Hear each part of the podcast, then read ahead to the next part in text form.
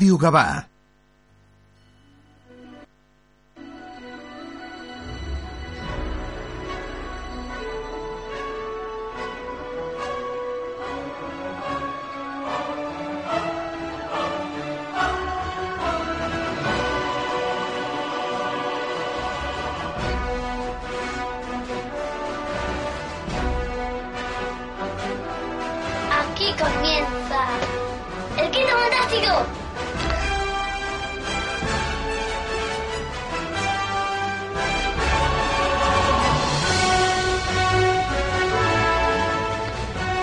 8 de la mañana y un minuto. Muy buenos días y bienvenidos a una nueva edición del Quinto Fantástico aquí en Radio Gaba, episodio 5 de la novena temporada.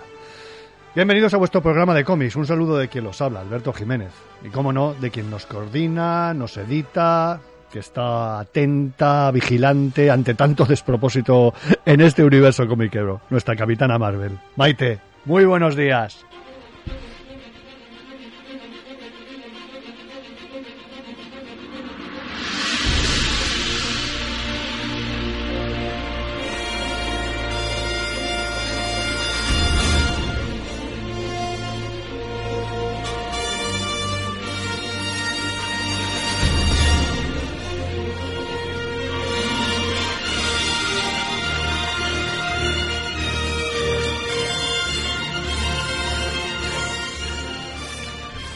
Con este programa cerramos mm, nuestro segundo homenaje a, a Carlos Pacheco.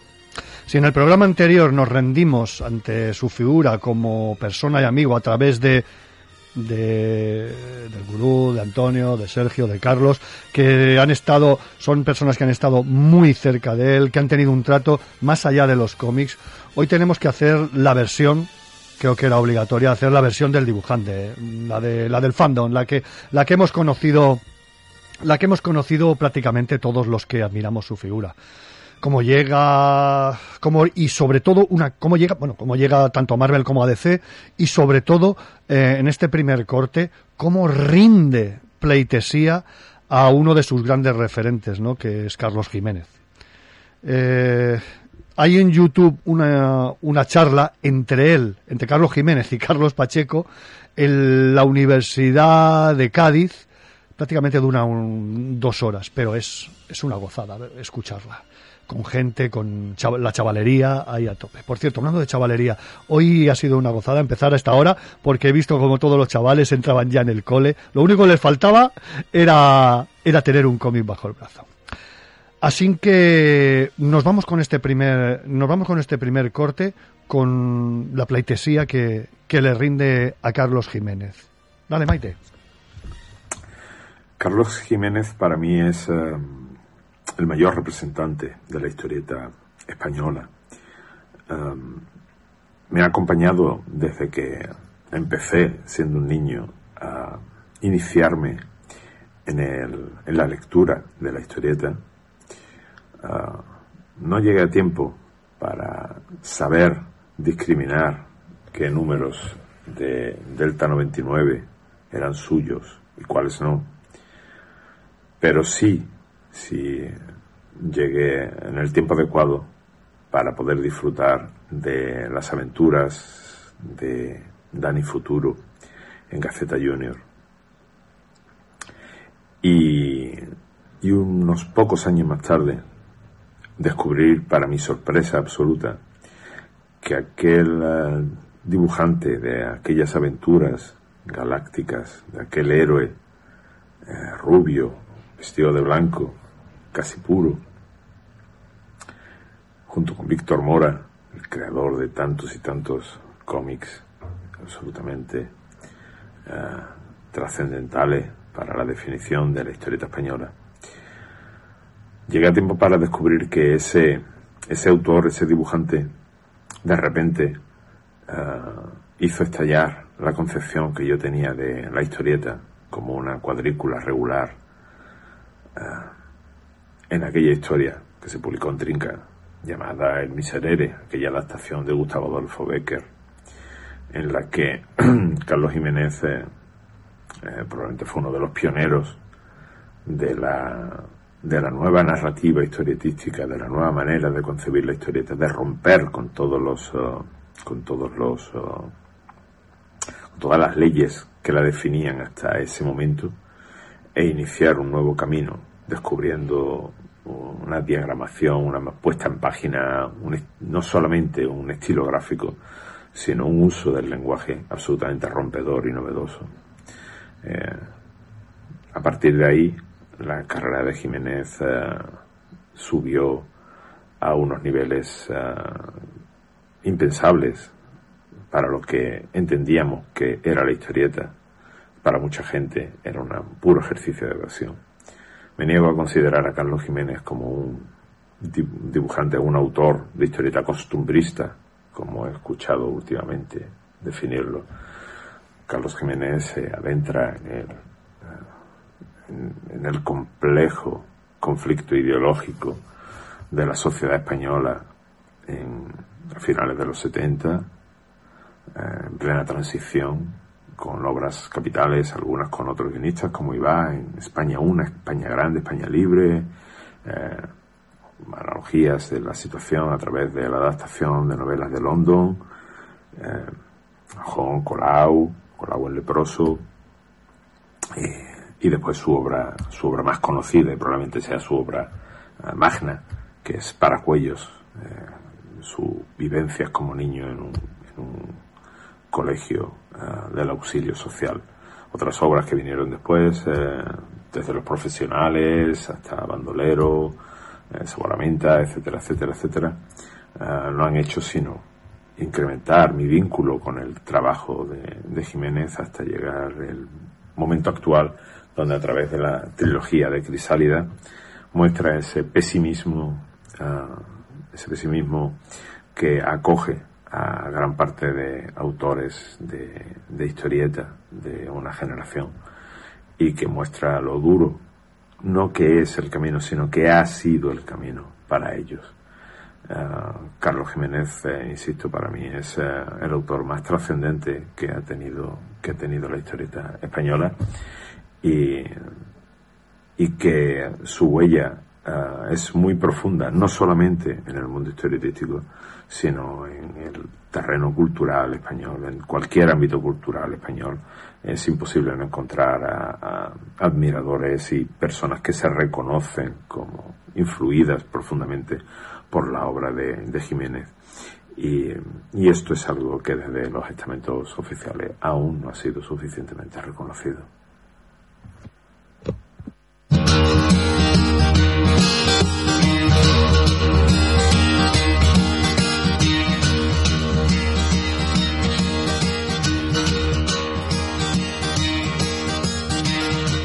One morning I woke up and I knew it all.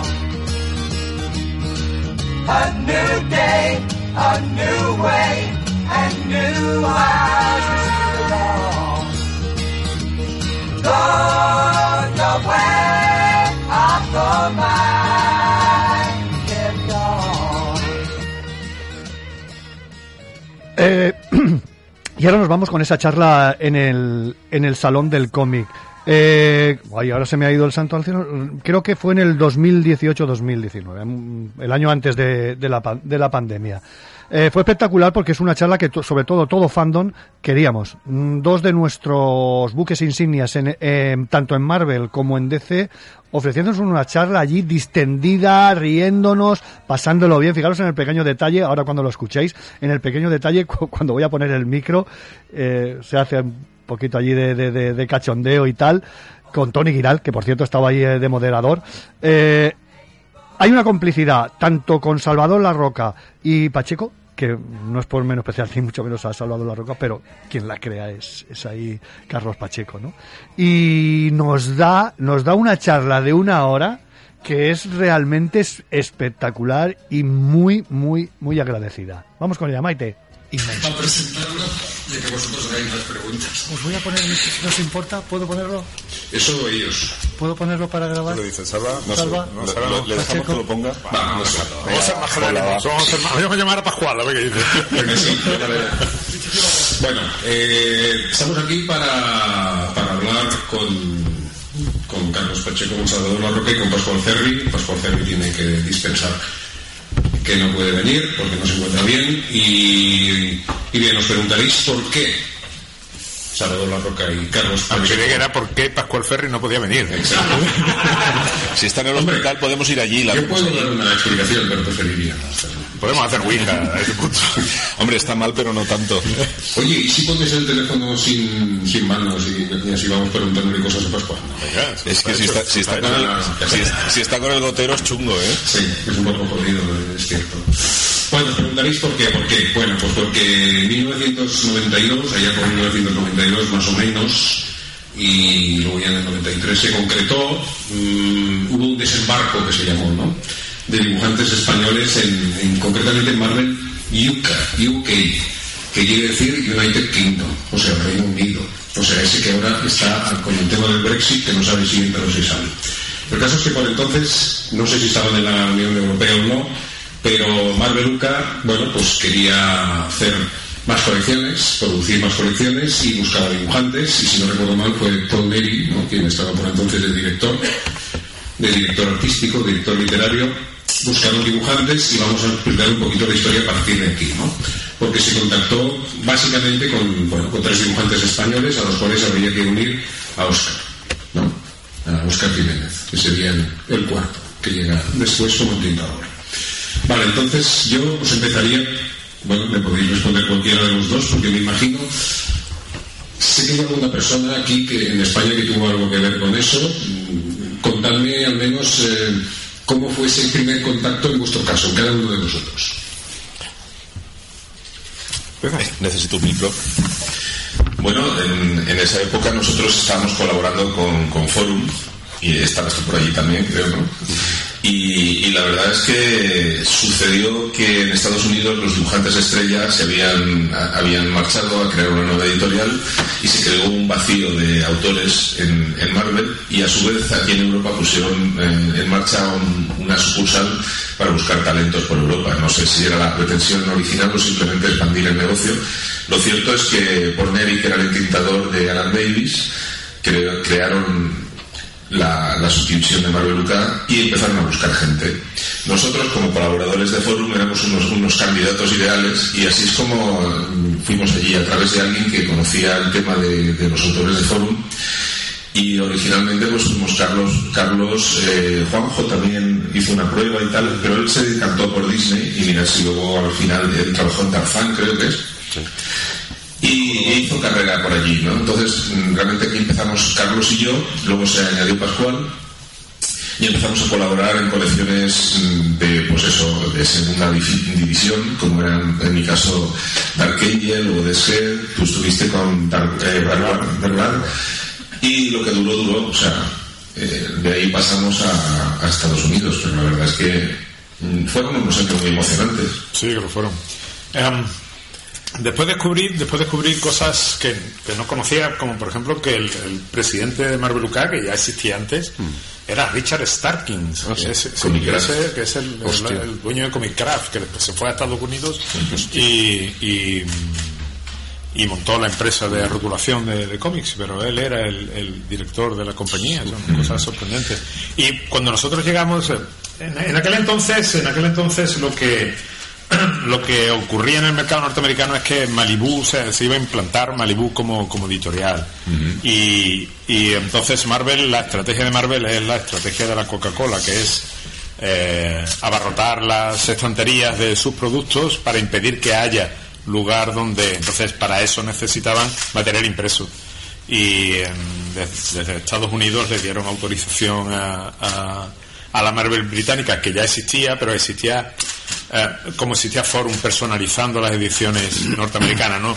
en Inglaterra los cómics Marvel no, no eran facsímiles ni siquiera se, ne- se distribuían que si se conseguían de hecho incluso había una edición británica que tenía un rombo en, en- en la caja de precios y, y te marcaba el precio también en libras, pero eran, eran, eran menos. Eh, la tradición era publicar allí los propios cómics y se publicaban de manera completamente diferente, en revistas, capítulos en blanco y negro. Y, pero se, pu- y se publicaban cómics que no eran de Marvel y que se publicaban, no, no, y que se publicaban cómics hechos por Marvel allí, esa gente como John Bolton, o como Alan Davis, o como Alan Moore, con, con, con el Capitán Britannia, con- se hicieron exclusivamente para, para allá. Entonces, en esa primera, en esa primera tanda, cuando Marvel crea las colecciones de los superhéroes británicos, surgen gente como Gary Frank, que era el autor de Motormouth, Brian Hitch, que ya había, ya, que ya había trabajado para, entonces esa gente sí habían dado, efectivamente, Cam Smith. Cam Smith. El- bueno, pero ya había. Sí. a Alan Davis. Total, el caso es que esta gente ya trabajaban para, para, para Marvel británica, para la Marvel norteamericana, entonces nosotros llegamos en una segunda, en una segunda oleada. Y, y eso nos permitió, pues, el, primero, también era segunda división, pero viendo que ese, esos dibujantes de segunda división habían pasado a primera, nos daba la esperanza de... de Podía pasar, podía pasar. Además también fueron unos tiempos muy raros porque en esa época Marvel Comics pertenecía al dueño de la marca Revlon. Y sí, bueno, también pintaban, pero caras. El caso era que en esa época compraron Malibu para agotar también competencia y se cargaron con una serie de empresas porque ahí le- al dueño de Revlon le venían bien esas empresas para desgravar, digamos. Entonces eh, Marvel se, se, digamos, se quedó un poco empeñada y se cargó con una cantidad de editoriales que no, luego no utilizaron porque realmente de Malibu el sello murió una vez Marvel, que yo sepa. No, pero yo me refería no que Marvel hubiese comprado Malibu, sino que Malibu se iba a implantar con, un, con un, un universo particular. Entonces, la manera de anularlo, de, de hacer que se extinguiera, era ampliar la producción de la propia Marvel. Ya. Eso era lo que yo me refería, era competencia, no es que fuera de la, de la compañía. Bueno, yo lo venía a decir porque en ese momento resultó que el dueño dejó de interesarle ya tener a Marvel Comics en una de sus empresas y la dejó a su suerte en bancarrota. Fueron, nosotros llegamos en los años prácticamente de la bancarrota y recibimos cartas de abogados citándonos a Carlos y a mí Sí, sí, sí, en. Estados Unidos decían, pues yo no voy a ir, como no me manden a la sexta flota a buscarme a Valencia, yo no voy. Yo re- recibí una carta que efectivamente, ¿te acuerdas que ponía Carolco entre la gente a la que le debía dinero. Marvel? Era Carolco. tía, tía Carolco. Dices, di- dices, igual sí, yo qué sé, también acabo de fichar, joder, ya me van a meter en Guantánamo. En fin, el caso es que, que aquello era curioso porque era una situación muy extraña en donde Marvel en ese momento tenía la preferencia del mercado, su mayor porcentaje de ventas era la editorial más rentable que había y sin embargo estaba en bancarrota. De ahí surgen los problemas de las cesiones de derechos de Spider-Man, eh, Cuatro Fantásticos, Motorista Fantasma, todo. eh, o sea, la- el principio del lío que hay con Sony y todo eso fue ese, ¿no? Que, digamos, pagaron con franquicias, fueron los pagarés. Curioso. Bueno, ya veo que estáis ansiosos y ansiosas, o sea que si queréis podemos abrir ya el turno de preguntas. Si alguien quiere hacer alguna pregunta, que levante la mano, como en el cole antes, y se le entregará un micro, pero no para que cante, sino para que haga la pregunta. Venga, ya tenemos una. Adelante. Gracias por estar aquí, primero, tanto a Salvador como, como a Carlos y darnos esta, esta visión de, de Marvel. Yo quería felicitarle, y sobre todo, en este caso a Carlos, por la iniciativa que parece que ha pasado un poquito desapercibida, eh, creo que fue en Cinesa, de ir a firmar cómics a una sala de cine. Quiero felicitarte por esa iniciativa y me, me sorprende que haya pasado tan desapercibida porque yo creo que teníamos que- tomar nota más autores de a los grandes estrenos, como puede ser Capitán Marvel, como puede ser Shazam también para DC y demás, de ir, montar un tenderete y así fomentar cómic, fomentar lectura. Yo te doy las gracias por el detalle, pero tengo que aclarar que no es una iniciativa mía. Es decir, yo, yo no fui a montar el tenderete. No, no, no, no, no, no. Entonces, no, porque te quiero decir que tampoco ha pasado tan desapercibida porque se va a hacer aquí en Barcelona el día 26 con el estreno de, de Vengadores. Así que creo que estaré aquí, no sé el cine, o sea, y supongo que si, si la cosa sigue bien, se ampliará. A mí me parece positivo sacar al cómic del, del, del, re- del- del lugar donde. De- volver a sacarlo a la calle, volver a recuperar el espacio público, que no sea. Y, y más concretamente si encima la película es un cómic. Claro, evidentemente. Tiene, tiene toda la, La lógica del mundo, ¿verdad? Yo- pero eso no lo hacen solamente, no solamente aquí. Yo, por ejemplo, he ido a estrenos por ahí de Thor, de cosas. O sea, normalmente la gente ya organiza y aprovecha esa situación para mover un poquito. ¿eh? Pero fuera. Fuera de- no, no, en España, en España. Yo a estrenos aquí a alguna charla también antes de la película o a firmas y cosas y la gente aprovecha y monta sus tenderetes, o sea, entiendo que hay una cierta, un cierto conocimiento de que eso puede ser interesante y, promocionar de alguna manera y que llamen a Carlos o me llamen a mí eh, tiene lógica, porque quieras que no somos los que acaban haciendo las cosas, ¿no?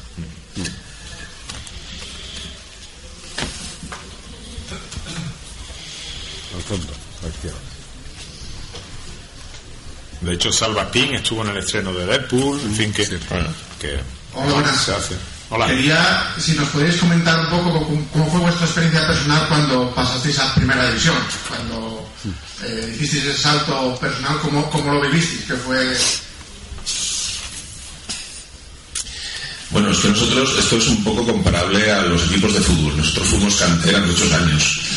Hicimos ahí, chupamos banquillo y al final nos ficharon para el primer equipo. Casi que tenía lógica. Si alguien tenía que ser los que están ahí, ¿no? Calentando la silla, tienen la probabilidad.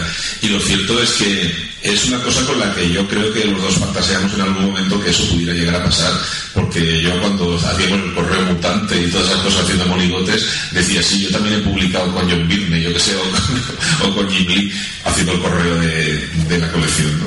Tonterías de esas, pero lo cierto es que yo estoy casi seguro que para Carlos significó lo mismo que para mí a nivel emotivo. Habíamos renunciado los dos a trabajos seguros y, nos, nos metimos en una aventura de, que tenía cierto riesgo, porque la verdad es que organiza, organizar no es que estuviera en, en Marvel UK, tenemos mucho conocimiento de sobre eso, ¿no? Y, y Carlos tenía un, creo que tú trabajabas en el ayuntamiento, ¿no? Y yo en una empresa de cartografía digital y yo no sé tú cómo te dirías del ayuntamiento, pero yo me fui muy de buenas por si las moscas. Yo me fui de bueno, yo me pedí un año de excedencia, claro. Que está bien creer en los sueños, pero vamos, que Es que ten en cuenta que si nosotros nos fuimos fue precisamente no para hacer TVO de Marvel UK, nos fuimos para hacer TVO de Marvel. Lo que pasaba es que intuíamos que para poder hacer TVO de Marvel teníamos que pasar primero por allí. Es no solamente era la segunda división, sino que también jugamos los juveniles, o sea, que era la, la etapa de forum y todo eso, era, era esa experiencia de, de curtirte de, de- en lugar de hacer fanzines, pues hacer portadas o hacer o hacer ese tipo de, de, de póster y cosa que hoy sería absolutamente imposible porque ya no se permite. no, pero no solamente no se permite, sino que también es cierto que la gente que hoy empieza tiene un nivel profesional infinitamente más alto del que podíamos tener nosotros en aquel entonces y que es gente que tiene un nivel que podía equivalerse al que nosotros hubiéramos tenido cuando ya llevábamos un tiempo trabajando para, para, para el mercado norteamericano. Yo, como ha dicho Salva, yo trabajaba en un programa de, de la UCA de la Universidad de Cádiz con, con el Ayuntamiento de San Roque en los cursos de verano de la universidad y, y me pedí un año de excedencia porque yo no tenía claro que eso pudiese pudiese salir. Había casos de autores ingleses que habían ido, pero también había muchos casos de autores ingleses que no lo habían hecho. Y después de todos los que al final ah, recabamos en, en Marvel UK, los que pasamos a, a- directamente a Estados Unidos, a Estados Unidos fuimos tres. eh, y después se unió Pascual, Oscar sí también pasó Sí. más o menos, más o menos al principio. ti, ¿no? No, no intentándome, hizo, hizo Flash. Flash, sí. Bueno, hizo Flash. Sí, pero lo hizo posteriormente a, a lo que nosotros hicimos. Sí, bueno, un poco después. Después. Entramos tú y yo, después entra, entra Oscar y después al poco tiempo entra, entra Pascual, pero solamente eso, de todo lo demás, toda la gente que empezó colaborando con Marvel, con Marvel UK no, no hizo ese trasvase. Por lo tanto, nosotros teníamos claro de que era, era un- había un componente de riesgo, que era lo que había que hacer, pero eso no te garantizaba que ocurriese. Hombre, en, en este caso lo que pasa es que lo que estaba en nuestra mano se hizo. O sea, todo lo que nosotros teníamos que hacer se hizo. Eh, le echamos horas, le echamos ganas, le echamos viajes, le echamos ilusión y salió bien como podía haber salido mal.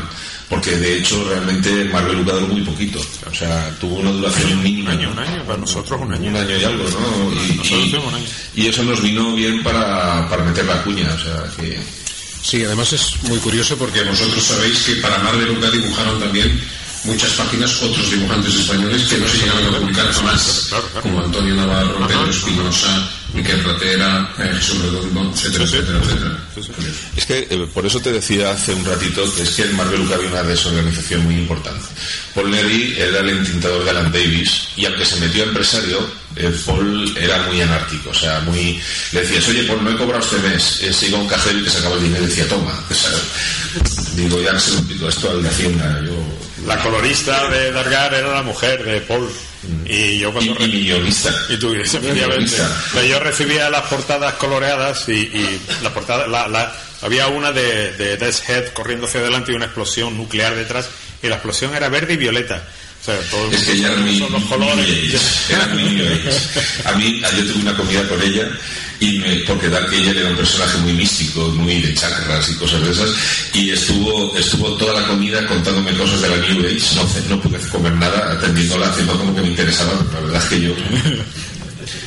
Sí, eran, eran una pareja muy, muy particular. sí. Todo, Inglaterra en general fue muy loco. O sea, te lo plantean hoy en día, tal como estás y tal, y ni de coña, ni de coña. Pero en esa época, joder, yo creo que la ilusión se nos salía. El primer viaje que hicimos Carlos y yo, eh, íbamos por allí, por Nueva York, nos, nos habían llamado a nosotros, ellos, a nosotros. No estábamos haciendo turismo y de paso pasabas por Marvel. Y, y- yo recuerdo que íbamos por ahí mirando las torres de agua y diciendo, mira, ahí- eh, han dibujado a Spiderman en alguna ocasión. La verdad es que éramos muy críos los dos también. bueno, era muy emocionante, imaginaos, ¿no? De, de- repente ver que, como dice Salva, ¿no? Que te llamaban ellos, que no era llegar allí pidiendo una, concertar una entrevista, sino que llegas allí y que te recibe el editor en jefe de la compañía, con lo- venga, vámonos a comer ahora para qué. Nosotros, que ellos pagaban el viaje, que tú no, no te lo podías creer lo que te estaba pasando. Pagaban el hotel. Claro, y, Y, y- y nos pusieron en un hotel que tenía salita. ¿te Sí, sí, sí, en el, en el Dumont Plaza, en la, en la planta 40, o sea, veíamos todo Nueva York, Sí. era allí, o sea que- Decía, ¿qué piso queréis ir? Decíamos, lo más alto Más alto posible. posible, claro. Este vive en San Roque, yo, y yo en las afueras de Valencia, eh, ver el piso 40 era muy de las películas. Digo, lo más alto posible. Y si se llega a quemar, no te digo de dónde está el castillo, pero bueno. Bueno, alguna experiencia tenemos tú y yo Alguna experiencia ahí. de incendios. Sí, sí, de, tocar alarmas y cosas de esas. ¿En Estados Unidos? Sí. Era, era increíble, fue una época absolutamente maravillosa. Era emoción en estado puro, no nos creíamos nada. A mí cuando me cuentan, dice, bueno, y entonces tú que querías dibujar X-Men, fantaseabas. No, yo no fantaseaba. O sea, el- el- los sueños llegan hasta un punto. A partir de ahí eres incapaz de soñar porque es como los videojuegos, tiene que pasarte un boss para llegar al siguiente. Entonces, el entrar en, en Marvel era para mí el boss máximo. Ya ya no había nada, no había ningún sueño después de entrar en Marvel. Que te dieran una colección, que te dieran otra, ya me daba igual. Primero llegar a dibujar profesionalmente claro, ya, ya claro. era una meta porque no era tan Claro, fácil. claro, claro. Ah, antes lo hemos comentado en una entrevista que me ha hecho Tony, pero a mí él me dijo que no, estando trabajando en Norma. O sea, yo llevé mis páginas y el, el estado de filtro en Norma me dijo que no. Luego, posteriormente, me lo dijo también Laureano. Menos mal que yo soy más cabezón. Pero, pero la verdad es que el llegar a ser profesional ya, ya, ya tiene su complicación que te llegue a editar alguien. Entonces, es primer paso, editar. Eh, eso lo conseguimos prácticamente eh, de, la- de una manera igual tú y yo, porque hacer pósters para forum o paginitas para forum y tal era más un hobby que, que realmente un trabajo. Pero el, el primer trabajo que nosotros conseguimos ya fue con la M en la portada del cómic. Entonces, jope, aunque decías, vale, Dark o Edward o, o Deathhead, eh, era segunda división, el logotipo estaba, que era lo que importaba, ¿no?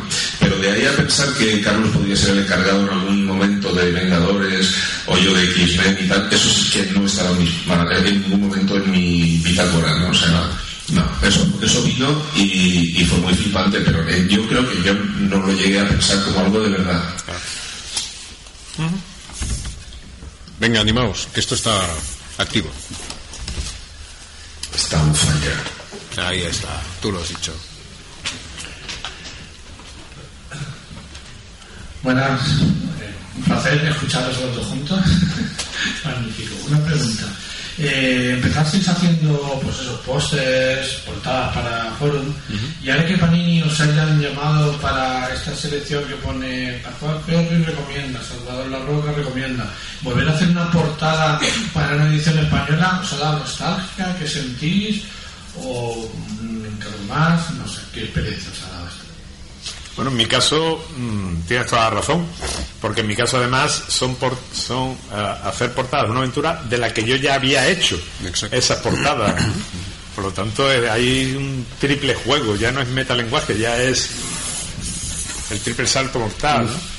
Ah, hombre, sí ha sido una sensación especial, en mi caso, sí me lo he pasado muy bien eh, recomendando ese TV, pero sí la experiencia es muy distinta porque en los tiempos, lo que, sencillamente lo que estamos hablando, en los tiempos en los que eh, yo le hice las portadas a, eso, a esos cómics para Forum, pues yo era, eso fue en el 80, 25 años supongo. Ahora que le he hecho la portada, Stephen Elhard y George Pérez somos amigos. Hemos hablado mil veces de eso. De hecho, le envié la portada a Steve y, se lo le digo, mira lo que te he recomendado, dar una colección. Y tú estás loco, tú estás loco, ¿no? Como has recomendado con la de TV, que hay, como recomiendas el mío? Ese son triples saltos mortales, son ir ir avanzando en, es una es una especie de nostalgia, pero una nostalgia con un filo, con una con un punto raro que, que cada vez la experiencia es completamente distinta tú ten en cuenta que, vale, tú asocias como que la portada que hemos hecho ahora es para la misma editorial. Tampoco lo es. O sea, ha cambiado la editorial, ha cambiado la, gente que estaba en la editorial. Al final es una cuestión de cariño. O sea, básicamente esa gente nos hizo caso. Luego vinieron las siguientes generaciones de personas que llevaban esas editoriales y nosotros ya estábamos allí, por lo cual ya nos asumían como gente de la casa, ¿no? Entonces, ha habido una relación casi familiar con todos ellos desde hace muchos años. Entonces, tiene una cierta lógica. En mi caso, por ejemplo, yo estaba haciendo Star Wars cuando me lo propusieron, estaba un poco alejado durante un par de años, estaba alejado del universo Marvel, y que esta gente te proponga hacer una portada de algo que tú has leído como fan, algo que tú eliges, es, es bonito pero principalmente eh, sabes también que hay, un, hay una especie de reconocimiento a quién eres cuando te proponen que la otra la va a hacer Carlos o la otra la va a hacer Pascual que nos están metiendo pues en, un, no sé, la Trinidad, los mosqueteros, el triunvirato, eh, se habla de nosotros de, muchas maneras como tres, ¿no? O sea, mientras no sean los tres cerditos, lo demás me vale.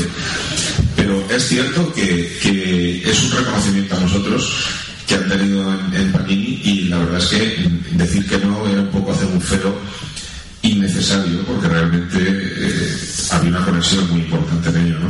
Y lo que es cierto es que yo lo tomo esto como no como la recomendación, no como eh, proponer a tres figuras relevantes eh, que recomienden un cómic, sino proponerle a tres dibujantes que aman el cómic en el que trabajan porque me consta que hay muchos dibujantes de cómics de superhéroes que son grandes profesionales que tendrían ciertos problemas a la hora de encontrar qué material recomendar porque puede que no conozcan tanto. Entonces, eh, a nosotros, yo siempre me he considerado así, eh, no solamente soy un profesional, sino que además, en, otro orden de cosas, pero uniéndolo a esa faceta, soy un, alguien que ama el cómic de superhéroes. Yo he crecido leyendo el cómic de superhéroes. Eh, Estuve ahí cuando nace el cómic de superhéroes en España y, aquí estamos haciéndolo, ¿no? Pero vamos, claro, claro, claro, claro, Entonces yo amo el cómic de superhéroes, conozco el cómic de superhéroes y cuando recomiendo entiendo que se me pide no solamente como profesional, sino también como conocedor del cómic de superhéroes. ¿no? Y que, eh, como dice Carlos, en esa época conseguir un cómic Marvel que continuara con el mes anterior era complicado porque los de Vértice tenían una, una distribución muy anárquica, muy rara y, yo, por ejemplo, tardé mucho tiempo en conocer algunas colecciones en concreto o cómo terminaban unas cuantas colecciones. Yo era seguidor de Spider-Man y a mí, por ejemplo, Ross Andrew, que es una de mis recomendaciones, es un autor de Spider-Man que siempre me pareció que se había quedado un poco la sombra de otros autores de Spider-Man y a mí el tío me parecía muy la caña. Entonces, eh, es de lo primero que yo leí. Entonces, es probable que haya cosas mejores, pero como me piden que lo recomiende yo y en mí causa un impacto importante, lo mismo que, que John Byrne en X-Men y la, la, saga segunda que recomendaremos en su momento, eh, han tenido impacto en mi persona a la hora de dedicarme a esto. Con lo cual creo que es lógico recomendarlo. Luego tú te gustará o no te gustará, pero realmente eso tuvo impacto en cómo soy hoy en día, ¿no? Más preguntas. Ahí tenemos trampa porque se repite, pero bueno. y que haga una pregunta ya tiene que irse. Para Carlos, eh, Carlos, ¿qué supuso, tú que has dicho ahora, eh, que has sido siempre lector de cómics y tal, ¿qué supuso para ti hacer la era de Apocalipsis, ese rompimiento de la línea temporal en, en, eh, Marvel, ¿no? y en la patrulla, ¿eh? en todo el universo mutante? Y para Salvador, me gustaría saber, cuando te dijeron, quieres dibujar Star Wars, ¿qué supuso para, para ti? Bueno, para mí, la era de Apocalipsis, que si no recuerdo mal, lo que yo hice fue el universo X, ¿no? No recuerdo mal. A mí me. Primero, es uno de mis peores trabajos porque apenas tenía tiempo. Tenía, eh, acababa de hacer Bishop, tenía que hacer Flash con DC, que lo tenía palabrado. Y. y pero sí supuso algo que para mí fue muy importante, que es que Marvel se inventase aquello, así rápidamente, de buenas a primeras, para poner para ponerme en, en ese en ese evento en ese acontecimiento yo lo entendí así. Lo mismo yo estoy equivocado pero yo no veía por ningún lado que se anunciase Universo X ni nada parecido sino que yo sale Bishop y creo que Marvel le dijo vamos a meter a este tío aquí como sea invéntate una historia con los restos de personajes que van quedando pero que ese, entonces yo lo entendí así y eso a mí me dio un, un ánimo brutal porque entendí que, que la editorial se me valoraba eh, y, que, y que en cierta manera el trabajo que había hecho en Bishop eh, había tenido una cierta repercusión entre los aficionados. Bueno, en esa época el, el editor en jefe era Bojarras y Bojarras por algún motivo tenía tenía un aprecio especial por nosotros, no sé muy bien por qué. Yo tampoco. Pero, pero en mi caso, eh, Bobby Chase era mi editor, en la tuya Steve, eh, Susan. Susan Gaffney, nos invitaron hasta la boda de Susan, o sea, la verdad es que eh, no sé, nosotros llegamos allí y, y fue como los osos amorosos, o sea, todo el mundo nos, nos... Yo creo que es que a lo mejor éramos más exóticos, ¿no? Nuestra, nuestra belleza mediterránea Correcto, correcto. debido a algo tener que ver. Yo recuerdo los dos primeros besos que leía Bobichis, que siempre un beso en los morros, de culo, porque eso de nosotros damos dos besos uno cada lado, ellos no, se dan uno. Entonces aquella no me hizo así un quiebro y le, le metí un pedazo de morro a Bobichis que me está temblando el pelo. Pero, pero eh, era tan emocionante, o sea, eh, eh, quedábamos a comer con todos, veníamos todos allí, o sea, eh, era, era muy chulo. Y Bob tenía, a ti te tengo un especial cariño, Bob. Sí, yo me acuerdo de mucho aprecio de son. Por lo que me preguntabas a mí en Star Wars, también soy fan de Star Wars, a mí me gusta el universo Star Wars. Y, y bueno, el problema en muchas ocasiones es que a mí me ponen entre la espada y la pared con el tema de que es que queremos que hagas 16 TVOs al año. Como puedo hacerlo, me vienen con la canción y a mí me toca un poco las narices a veces hacerlo porque no me apetece, pero hay una cosa que me da mucha rabia y es que alguien acabe otra cosa que yo he empezado o que a medias me pongan un feeling, eso me da mucha rabia. Entonces, el, el tiempo que estuve en Star Wars fue porque yo quise. Pero lo cierto es que acabé muy cansado. Acabé muy cansado porque, por lo menos, cuando trabajas con personajes Marvel, eres tú y el editor. En, en el caso de Star Wars, es el editor, Lucasfilms y los 50 que hay allí mirando las páginas. Entonces, te mandan unas listas de cambios. Dices, vamos a ver, tengo que hacer dos semanas y media y me mandas 25 cambios eh, es muy difícil trabajar en esa, eh, eh, con el nivel de presión que tiene el fan, con el nivel del canon que tienes que estar continuamente mirando, porque dicen, sí, tiene que salir un, un- un destructor estelar, estelar. Y de clase tal, no sé cuánto, y tú te pones a buscar en, internet a ver qué destructores y hay 7 millones. Entonces pones uno y resulta que es justo el que estaba en la foto anterior. Y cámbialo porque es que este tiene tres motores y el otro tiene dos. Y dices, joder, esto no se acaba nunca, ¿no? Es complicado, es complicado. Lo que pasa es que, bueno, pues puedes decir que has trabajado en Star Wars. Darth y Star Wars, eh, estuve, no llego a 60 números entre los dos, pero ya, ya son unos, una temporadita. Lo cierto es que me apetecía mucho volverlo. eh, Yo soy dibujante de superhéroes, ¿vale? O sea, como profesional, si tengo que dibujar Mafalda mañana, pues dibujaré Mafalda, pero yo soy dibujante de superhéroes. No hay más que vernos. Yo hice, yo hice una del, del universo Star Wars, solamente he tenido ocasión de hacer una portada de Han Solo y cuando la hacía pensaba en lo que debían estar pasando estas criaturas humanas. Gracias por lo de criatura, hace mucho que no me lo dicen. Humanas y humanas. Encima humanas, sí. humanas. Le he dicho criatura humana. Podría haber dicho criatura inhumana, pero no, no ha sido el caso. Y hice una portada de Han Solo en la que sale Woody Harrelson, el Joyas, el Han Solo, el, la chica de color y Chihuahua. Y hago los cuatro personajes. No, ten mucho cuidado, el editor, ten mucho cuidado, que se tienen que parecerse y tal. Sí, sí, sin problema. Tal. Me pongo allí, hago los cuatro. Le envío la portada y al, al, al mes y pico, o sea, Sí, no, cuando ya te has al, olvidado. al mes y pico, cuando yo no me acordaba, yo ya de, no, que hay que hacer un cambio y tal, porque hay un personaje que dice que tiene la expresión muy muy, ¿cómo era? Muy agresiva y que tiene que tener una expresión más dulce. Y digo, ¿cuál de ellos? Y dice, Chihuahua. o sea, tuve que rehacer la puta portada de Han Solo después de haber dibujado tres criaturas humanas con, que se parecen a ellos y era Chihuahua el que había que cambiarlo. Yo hubiera dibujado. ¿Ahora me estás contando? Yo hubiera sido un cabrón, yo hubiera dibujado no soy yo. Es que eran muy así, o sea, te, te daban justo en donde no te esperabas, ¿no? Entonces dices, joder, tú evalúas y dices, ya llevo unos años haciendo esto, a ver, puntos problemáticos. El culo de esta, el no sé cuántos del otro, el patatín, aquí se ve un tío morir. Y luego te venía y te daban en que el, el estandarte del no sé cuántos o el cañón de la lanzadera, y dices, no hay manera, no no de tapar todos los agujeros en esto. O sea, ya al final cuando ya consideras que eso pues te acaba siendo, porque yo, todo el mundo que sé que ha trabajado en algo de Star Wars, acabó un poco hasta el. Eh, Pues yo, yo hice una portada y acabé hasta el Perry. Atiéndete tus 70 números. Sí, sí, no, ya acaba hasta el gorro. o sea. Venga, más manos alzadas. Pero poco, ¿eh? Solo así, si no hace falta alzarlas. Ya os he dicho. Hola, buenas tardes. Hemos hablado bastante del pasado, pero me gustaría comentar cómo veis el futuro, ¿no? ¿Cómo os veis vosotros de aquí 5 o 10 años? Eh, Dice con más ¿Qué retos, qué retos os quedan por, por cubrir? Y si os preocupa eh, que al final el universo cinemático acabe de- devorando eh, el, cómic o, que cada vez haya menos lectores de cómic y más eh, personas que vean las películas. No sé, ¿cómo veis el futuro? Pues, hombre, yo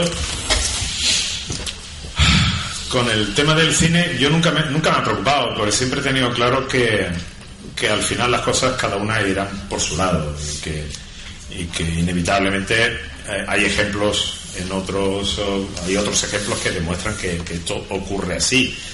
Hace poco lo comentaba en la charla de firma, es decir, ¿cuánta gente se ha comprado una... no- O sea, todos habéis visto una película de James Bond, ¿verdad? Cuando ha terminado la película habéis salido a la librería a comprar una novela de Ian Fleming. No. No, ¿verdad? Pues recuerdo lo mismo. Se acaba asumiendo que tú lo que vas a ver es un producto concreto. Que en algún momento el repunte, la promoción, eh, eh, eh, la manera en la que Marvel y DC están estableciendo la- lo- los, cómics con relación al cine es más un, un, ah, un gimmick anterior a la película que posterior a la película. Es decir, si se va a estrenar Pantera Negra, se hace mucha promoción de Pantera Negra antes del estreno de la película. Una vez que se acaba la película, las cosas ya se sigue con la siguiente. Entonces, los cómics están haciendo más promoción de la película más que los más que las películas están sirviendo para pro- promocionar los cómics. Hace que se venda una colección en un momento determinado, pero eh, creo que venían la- leía unas ventas de Capitana Marvel de, la- de los cómics, el primer número se había vendido una barbaridad y el tercero ya había bajado un, a cifras ya que no tenían nada que ver con la, con la primera. Es, es lo lógico, es lo esperado. Entonces yo mi, mi futuro lo veo encaminado pues como veo, como he visto el pasado y como he visto el presente, intentar hacer mi mejor, el mejor trabajo que puedo en cada momento y en las circunstancias que me toca vivir y que eso alguien quiera comprarlo.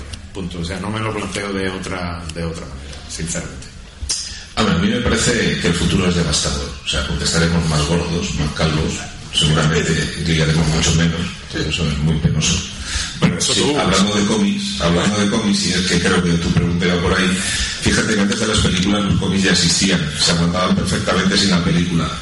Y la película lo único que está haciendo, eh, esto también lo comentábamos hace un ratito, es que eh, las, las principales sagas de las colecciones de Marvel eh, están, eh, están unidas, tuneadas, montadas para que de dos o tres sagas salga una película. O sea, el éxito de las películas sigue residiendo en esos cómics en los que se basó. Y son medios tan diferentes que, yo creo que no compiten en ningún momento. Es como cuando los chiquillos que vienen y piden un dibujo de Lobezno y ellos conocen Lobezno por, el por los dibujos animados, o sea, o por el videojuego de, lucha o una cosa de esas, ¿no? Realmente yo no creo que se crucen los caminos ahí, los intereses. De hecho, si son listos, tienen que sacar partido de ello. Y como dice Carlos, efectivamente, ahora hay colecciones de, de- lo de la guerra del infinito por el tema de las películas de Thanos, se aprovechan los tirones para volver a revitalizar sagas, personajes. Lo bueno de, de Marvel es que tiene tantos personajes que en un momento puede volver a reutilizar que le dan unos márgenes eh, importantes. ¿no? Entonces, yo creo que ellos tienen ahí correa para mucho tiempo, si, si la saben explotar bien. Y yo creo que hay una diferencia muy notable en las películas que usaban personajes Marvel antes de que entrara Marvel a producirlas que después. Eh, o sea, yo recuerdo películas del Capitán América eh, con Cat por la moto. eh, no sé, hay, una escena que nunca se me olvidará de el Capitán América atado a un misil y al cráneo rojo y en plan de al final has perdido. Y el otro está atado, saca la manita así y le agarra el brazo a cráneo rojo justo antes de lanzar el misil. Y cráneo rojo dice, no, saca un cuchillo y se corta el brazo del el propio cráneo rojo. Dices, este es el tío más listo de Alemania. Hay un error en lo que estás diciendo, Salva. En esa película, Cráneo Rojo, y él lo vaya a entender todo porque se corta él su brazo, en lugar de cortarle el brazo al Capitán Américo. En esa película, Cráneo Rojo no era alemán, era italiano. Y, además se cortó por el lado que no tenía filo. Ya he creado un conflicto internacional. No, pero claro, tú veías esas películas así de, de Marvel en esa época y decías, joder, me hace ilusión la, la película mola y tal, pero esto es muy cutre, joder.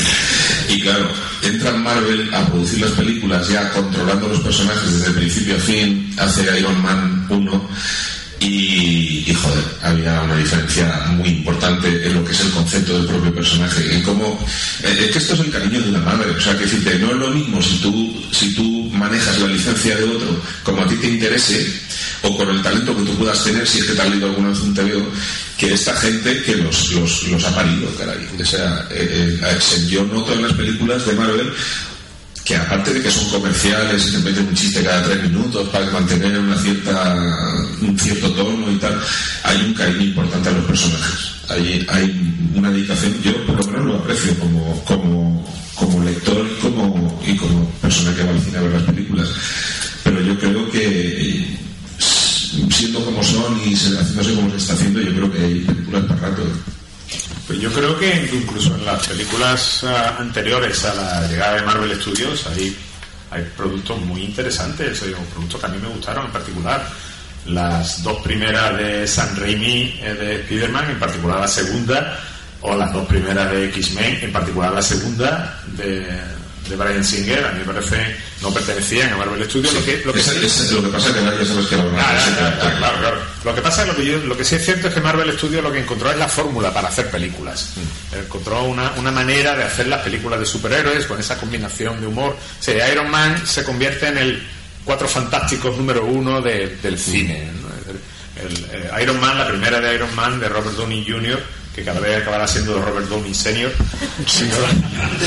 acabará esa película encuentra la manera de hacer el, el patrón por el que el resto de películas tienen que ser hechas. Y a partir de ahí es cuando ya Marvel eh, porque porque todo el mundo quiere que la película sea hecha así y todo el mundo va a ver ese tipo de películas. Y el gran éxito de la peli de X-Men es porque encontraron a un tío que clavaba bien a lo bueno. Porque si, si me llegan a coger a mí en vez de a Hugh Jackman, ya te digo que no hubieran tenido el mismo éxito, ¿eh? O sea, seguramente no.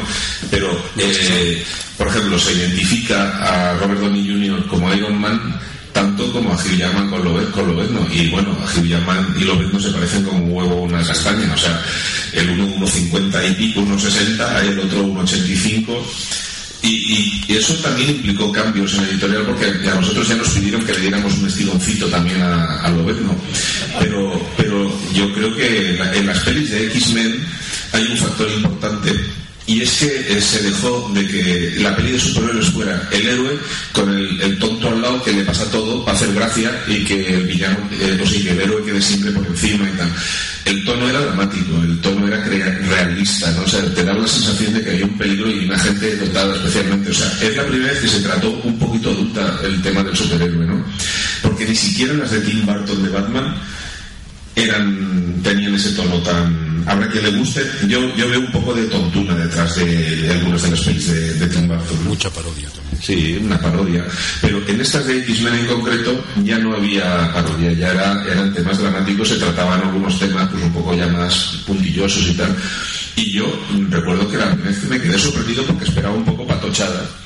Y cuando vi que la peli iba en serio y que, y que bueno, pero eso menos el, el maquillaje de la bestia, que sigo sin, sin pegar más que un peluche, pero bueno. Pero pero la verdad es que me la creí. O sea, yo como, como participante en, en, esa saga, yo me la creí. Me pareció, me, sentí orgulloso. Joder, no es como otras veces que te vas yendo antes de que salgan los créditos para que no sepan que estabas allí. En este caso, estaba yo allí sacando pecho, ocupaba dos o tres asientos de lo ancho que estaba. ¿no? En la pregunta que establecías, que hacías, eh, creo que el planteamiento del futuro lo hace más por el cómic que no por la película. que las películas van a estar aquí durante un cierto tiempo más o menos largo, creo que todo el mundo lo asumimos. Y que si, si ese tiempo también el cómic va a acompañar, pues hombre, yo espero que sí, me gustaría que sí. La realidad se empeña en, en convertirme no en pesimista, pero sí un poco en, escéptico. Eh, espero equivocarme. Hay momentos en la vida en los que no me gusta en absoluto tener razón. Eso es como cuando vas con el coche y te están diciendo, no vas a tener gasolina. Y tú, sí, sí, sí tenemos. En ese momento cuando vas por la, por la carretera con la lata en la mano, y dices, ¿ves cómo yo tenía razón? Pues, ¿Para qué quieres tener razón? Ahora quiero equivocarme. Quiero, quiero pensar que sí, que va a haber un futuro brillante, que los cómics se van a vender y que van a ser muy populares. Pero me gustaría equivocar. De todas maneras, es que eh, hay, hay fenómenos que son, bueno, no inexplicables, se sabe por qué suceden, pero que salga una colección como Capitana Marvel y venda, yo qué sé, 100.000 y luego al del número 3 esté vendiendo 30.000. O sea, esa pérdida de interés en tres números, si es que realmente no da tiempo a desarrollar. No es, no es por el cómic y su contenido, sino por el, elemento social de redes, de novedad, de ver qué, de qué va. Pero es que no te da tiempo a contar una historia, ni a desarrollarla siquiera. No hay una oportunidad para que esos tíos cuenten la historia. O sea, no se está jugando si el cómic es bueno o malo, sino que, a ver qué es esto, y se compran el número uno o se especula con él porque durante unos años se hacían, vamos a ver, yo que sé, 30 portadas del número uno y tal para el coleccionismo. Y eso es un poco una burbuja también o sea no, es realista que se está haciendo ahora también con el, con el número 1000 de Detective eh, Comics y con, y con Star Wars sí, se hicieron yo que sé 50 portadas y vendió un millón pero claro, habrá tío que tendrá las 50 portadas y luego irá buscando qué es la el que las ha hecho cada una. Es, un, elemento más de fandom casi. Pero realmente lo que hay dentro es lo único que importa. O sea, pero hoy en día se busca todo que sea eh, satisfacción inmediata, ¿no? Mm, y tú en 20 páginas a un guionista no le da tiempo de desarrollar una historia, ¿no? se juzga muchas veces con antelación, ¿no? Entonces, eh, nos estamos acostumbrando al consumo de, rápido de las cosas sin darle oportunidad al desarrollo. Y, yo creo que, que, las colecciones de cómic necesitan ese tiempo, ¿no? Absolutamente. cada vez también está el factor de que se, cada vez se está vendiendo más TPB que la, que la, que la propia grapa, ¿no? ¿No creéis que es más eh, hace que se venda más porque sean arcos completos si, si una lectura lo, lo ves todo. Sin embargo, una grapa tiene que ser más constante y para darle, sacarle todo el jugo. Es que tiene cierto sentido eso, porque tú piensas, yo por ejemplo, yo me compro tapas, o sea, tapadura, no grapa porque no soy no soy seguidor de colecciones completas de algo. Tú ahora imagínate que tú ahora quieres empezar a leer X-Men. Te tienes que leer 500 TVOs antes de ponerte en situación y 300 miniseries y otras 500 de colecciones satélite que han ido partiéndose y desmenuzándose en otros personajes. Se pierde un poco intensidad en, todo eso. Entonces, decidir meterte es, es, una, eh, es un marrón. Entonces, el Trip Paper te permite eh, seguir una etapa completa de un evento o de un autor que te pueda gustar. Lógica. Hace años yo recuerdo que Marvel despreciaba los Trip Paperbacks y se centraba especialmente en la, en la grapa. Y, un poco por ahí que van los tiros ahora, porque realmente eh, el Trip Paperback eh, ahora representa unos ingresos muy importantes para la compañía. Hombre, yo no sé realmente cuáles son las causas, sí puedo intuirlas. Evidentemente lo que está, el mercado se, se, dirige esencialmente desde perspectivas editoriales hacia el paperback. Entonces, eh, de hecho, ni siquiera hacia el paperback en, relación a la compilación, sino que el, cómic está planteado ya como un tomo y, se vende primero como fascículo, pero que en realidad, como está pensado, es como un tomo. Hay varios factores por los que puede ocurrir. Primero es por el nivel de exigencia artística. No todo el mundo tiene, de hecho, todo, creo que, que, que todos lo asumí, ¿no? Es decir, que, que la cantidad de autores capaces de hacer la, la producción que, que Salva hace es prácticamente inexistente, son muy pocos los autores que hoy pueden. Entonces, Ni, ni yo. ¿Cómo ni tú? Ni tú. Entonces, encontrar el, el- el- lo que hace la editorial es manejar aventuras, eh, episodios que puedan ser controlables por un autor, de manera que eso después sea publicable en un tomo. Pero eso cambia incluso la propia estructura de la naturaleza de ser del superhéroe. Durante muchos años, los autores Marvel, eh, perdón, los aficionados a Marvel, encontraban una gran diferencia entre Marvel y DC. La diferencia esencial, y cuando hablo de, DC, no hablo de 5, sino hablo, incluso de los tiempos anteriores a cuando se publicaban en 5 con Novaro, etcétera, etcétera. Y es que eh, los personajes Marvel, eh, los cómics Marvel narraban una biografía del personaje. Cada cómic contaba un relato, cada, cada grapa contaba un relato de esa biografía que ocurría en ese mes. Un, cómic podía ser malo, pero tú tenías la, impresión de que si tú te perdías eh, un episodio de, de Hulk o de Vengadores o de Capitán América, en ese cómic podía ocurrir algo que fuese trascendente para el futuro de la colección en un, en un tiempo, en un año, en dos, en tres, incluso, incluso en cinco. Eh, y, y que además era independiente del equipo creativo que estuviese en esa colección durante el tiempo que fuese, porque todo el mundo mantenía ese hilo biográfico y respetaba esa biografía, los acontecimientos del pasado, y todo el mundo, entrase quien entrase en esa colección, era, era asumía que en cierta manera era un geógrafo, era, era, era, un, un- un narrador de esa biografía.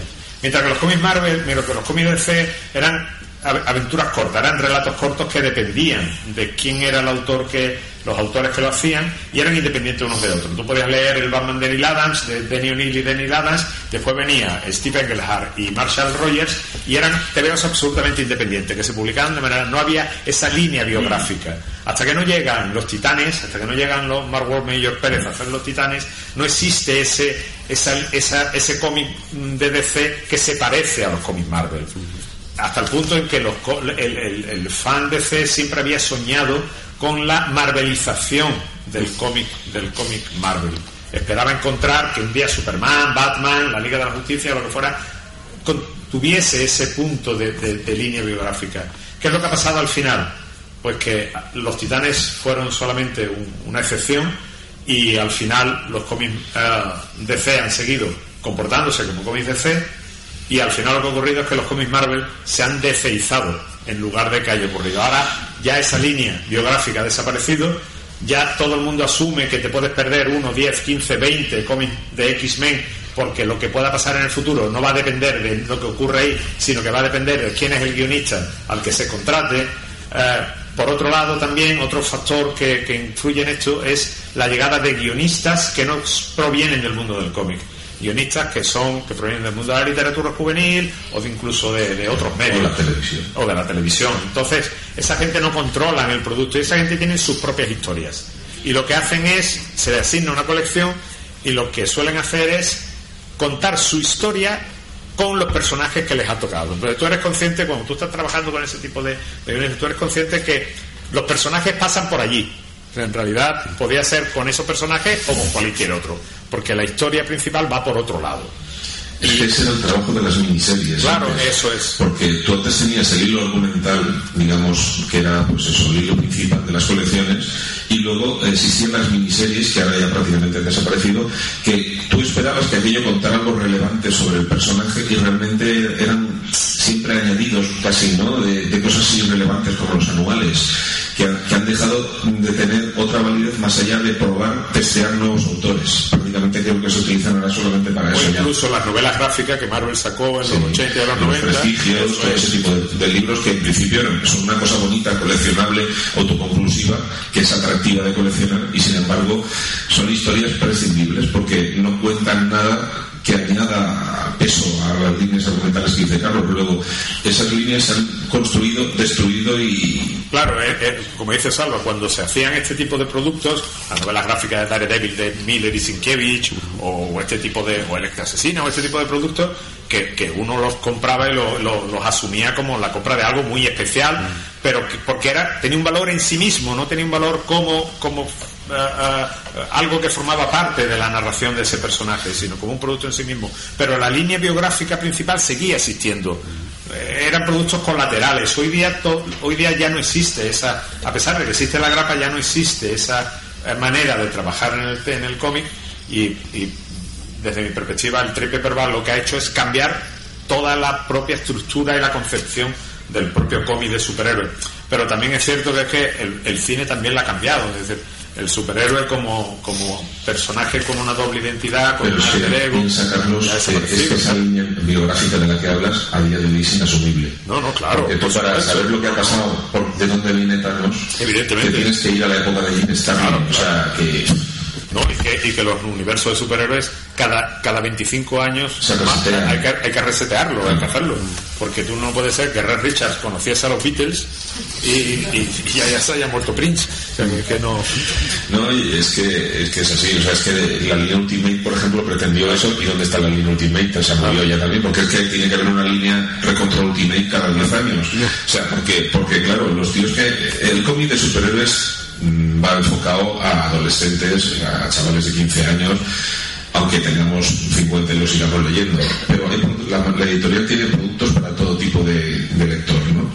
Pero es cierto que el tío que tiene, que ese cómic que tú dedicas a alguien de 15 años, dentro de 10 años va a tener 25 y habrá otros nuevos lectores que se añadan cada vez menos, por desgracia, porque lo vemos en las colas firmando que niños cada vez te vienen menos, si no vienen con el padre que te lo trae, ¿no? Entonces eh, es necesario tener que actualizar porque además los tiempos cambian y ya no puedes ir contando según qué historias pues porque bueno, el otro día vi un capítulo de Mazinger y yo me encantaba Mazinger de chaval. Y veo un capítulo en donde Koji le larga una hostia a Sayaka que la deja durmiendo todo el capítulo en el sofá del guantazo. Dices, tú atrévete a dibujar eso hoy en día, ¿sabes? O sea, continuamente esto cambia. O sea, eh, necesitamos actualizar esos personajes para que la gente que se incorpora los siga viendo como nosotros los veíamos entonces. Pero claro, hay que entender que es un negocio que tiene que evolucionar por narices, porque si no, ya sabes dónde va a ir. Es, complicado. Eh, ¿En qué momento rompes esa línea familiar de la que Carlos habla y, la tienes que convertir en comercial? Tienes que renunciar a cosas. Entonces, la manera que han encontrado es hacer el trade paperback que es autoconclusivo, independiente y que eliges qué saga quieres oír. O sea, tú mismo eliges qué es lo que quieres comprar y no necesitas comprarte toda esa colección de personajes de años, ¿no? Porque, claro, es que aunque quieras no la encuentras. No puedes comprarte, ponerte al día de Vengadores o de X-Men porque es inencontrable, aunque se haya recopilado en tomos especiales y tal, es más para coleccionismo, ¿no? Es, es- un poco complicado, es más fácil hacer los que venderlos hoy en día. Yo me voy a atrever a decir una cosa, porque ahora que plantea Salva la, la línea Ultimate, yo me voy a atrever a decir una cosa que creo, sinceramente, que es el punto donde Marvel la cagó. Y creo que fue con la línea Ultimate, pero no por donde mucha gente piensa que puede ir. La línea Ultimate, además se lo comentaba yo a Quesada, y, y siempre pensé que la línea, que el movimiento fue erróneo, porque Marvel crea una segunda línea de, de universo Marvel, un, un segundo universo Marvel, y el planteamiento, si no recuerdo mal, era que en ese nuevo universo Marvel iba a ser, iba a estar dirigido a los a los más jóvenes, universo para que la gente pudiese acceder a él. Tenía dos universos, el universo clásico y un nuevo universo, el universo Ultimate. Y que el universo Ultimate, dado que iba a gente más joven, iba a tener mucha más libertad creativa, iba a plantearse las cosas de otra manera. Y, y yo creo que ahí es donde estuvo el error. Porque yo creo que lo que debería haber hecho Marvel era haberle dado la libertad creativa al otro, al clásico. Porque era el TVO comprado supuestamente por la gente que ya estaba ahí, por la gente más mayor, la gente que quería ver a sus personajes con otro tipo de historias. Gente de 40 años y le está dando ah, un cómic hecho con los principios morales del Comic Code de los años 50. Y ahí era donde estaba el error. Si tú tienes a gente de 40 años leyendo esos TVO, dale un tipo de contenido y dale un- unos patrones éticos y morales, con unos patrones éticos y morales respecto a su edad. Por lo tanto, la libertad creativa aplícala ahí y no la apliques al nuevo. ¿Qué es lo que ha ocurrido al final? Que al final no hay nada. Al final se ha quedado sin nada. Ya no existe la línea. ¿Cómo? Ya no existe la línea. digo, ya no existe la línea, ni siquiera existe la línea Ultimate. Si hubiera su- yo realmente lo pienso, eh, puedo estar equivocado, pero si se, hubiera, si se hubiera dado esa libertad al universo clásico, creo que hubiera ido mucho más lejos de lo que se ha, de, de lo que se ha ido con lo que se hizo. Pero ese, ese problema se puede explicar porque esto que estamos tratando parece una tontería, pero tiene muchas ramificaciones. Por ejemplo, vamos a ver, ¿por qué grandes autores no triunfan en grandes colecciones? ¿Por qué contratas a un tío para que haga X-Men o Vengadores y no brilla como cuando hacía su propia colección en tal sitio? Y es porque esa libertad creativa se va a tomar por el saco. O sea, tú coges a un tío para que cuente la historia de personajes encorsetados en determinadas circunstancias de las que no puedes mover. O sea, hablamos de X-Men, hablamos del odio eh, del humano ante el mutante, eh, Scott es así, Xavier es así, tal, tal. ¿Qué cuentas, joder, con ese, con ese, con ese corsé? Entonces, ¿qué pasa? Que la gente pasa y, y no acaba de... Existe, no existe esa libertad creativa como tal realmente. Es, Hoy en día creo que ellos lo que pretenden cuando cogen un guionista estrella para una colección de este tipo es que sea un buen dialoguista. O sea, que lo que cuente mole y que los personajes molen cuando lo cuentan. Pero realmente eh, la mayoría de las historias son reciclamientos de otras historias ya contadas de X-Men porque al final siempre le están dando vuelta a la misma patata del odio ante mutante. No existe esa creatividad realmente en ese tipo de colecciones. Ahora, sin embargo, a ti a lo mejor ahora te cogen y te dan, yo que sé, una colección más desarrollable y, y, bueno, te crea un Deadpool, una cosa de esas, que los críos allí hacen lo que les sale en la gaita, nadie le pone pegas y los críos quieren ver Deadpool. A mí, por ejemplo, Deadpool como personaje no me interesa nada, pero me, me gustaría tener que, que, cuando tengo que dibujar historias de X-Men hubiera, hubiera una cierta libertad más amplia, ¿no?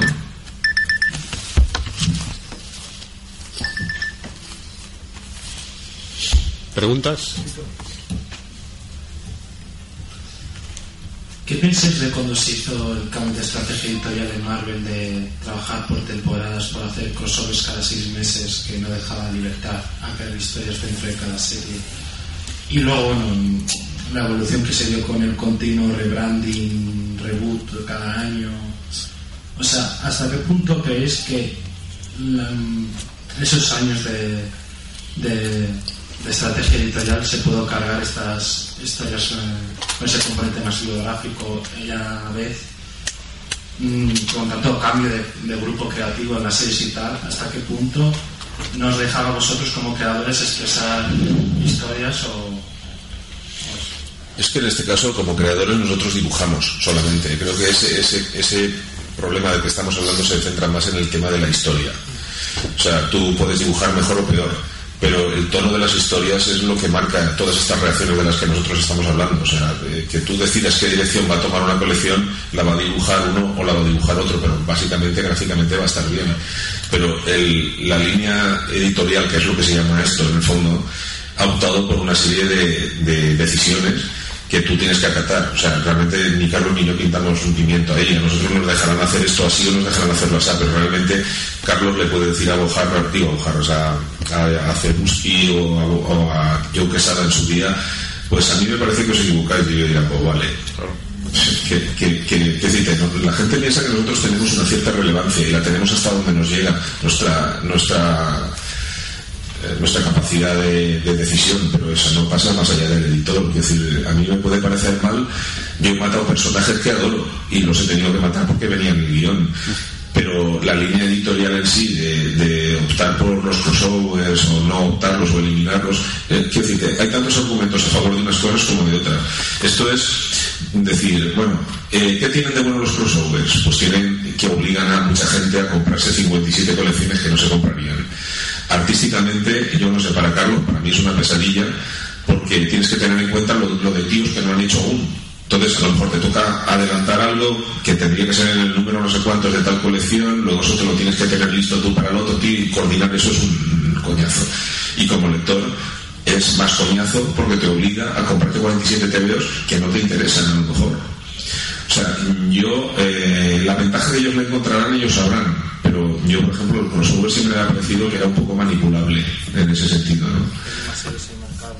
¿Eh? más series en el mercado, más número de ventas que... Sí, pero bueno, eh, Carlos antes lo ha mencionado. En muchas ocasiones, sobre todo cuando llegaba el verano, Marvel sacaba un mogollón de número unos de colecciones para tener los estantes de las, de las librerías especializadas llenas de cómics de Marvel para que no hubiera de otra competencia. O sea, es que el lector piensa que la editorial hace el mejor TVO posible para él y la editorial lo que hace es el mejor TVO posible para ella. O sea, es, es- a veces no son lo mismo, ¿no? Yo creo que somos las folclóricas del mundo del cómic. Es decir, hacemos lo que las cosas porque vienen en el guion, como dice Selva. ¿Eh? Igual que aquellas que se desnudaban si lo exigía el guion, pues yo tengo que matar a la gente porque lo exige el guion. Esperemos que no nos llegue eso. ¿De qué? ¿Desnudarnos? Ya lo he hecho veces. ¿Y no te lo han pedido todavía? No. Y, es más, yo me atrevo a decir que también los guionistas son folclóricas del mundo del cómic, porque tampoco los guionistas pueden hacer lo que ellos quieren. Eh, los guionistas están... Para empezar, los personajes...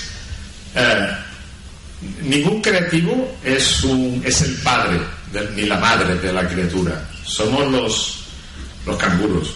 Los padres es la editorial y los reyes. Pero a nosotros nos dejan los niños para que los cuidemos un rato. Después vienen los padres por la noche, le dan el beso y quienes se los llevan de vacaciones y quienes eh, eh, sacan provecho de ellos son los padres. Nosotros somos sencillamente cuidadores. Y entre esa gente también se incluyen los guionistas. El guionista no puede hacer lo que quiera. Tú puedes tener la mejor idea del mundo para matar al Capitán América, a Iron Man y a Thor. Ve y a Marvel, que te van a decir que sí, ahora mismo lo ponemos. Y a Spiderman también y a lo ven. se van a decir, sí, sí, claro, claro, ve empezando. Las ideas son ideas buenas o malas en términos eh, comerciales, en términos empresariales. Como decía Salva, es decir, la editorial. eh, de hecho, a mí una de las primeras cosas que me sorprendió al entrar a trabajar en Marvel era que ellos no hablaban de personajes, hablan de franquicias. Personajes son franquicias. Y lo ven no es una franquicia y te da unos Y el beneficios. Capitán América muerto deja de ganar dinero.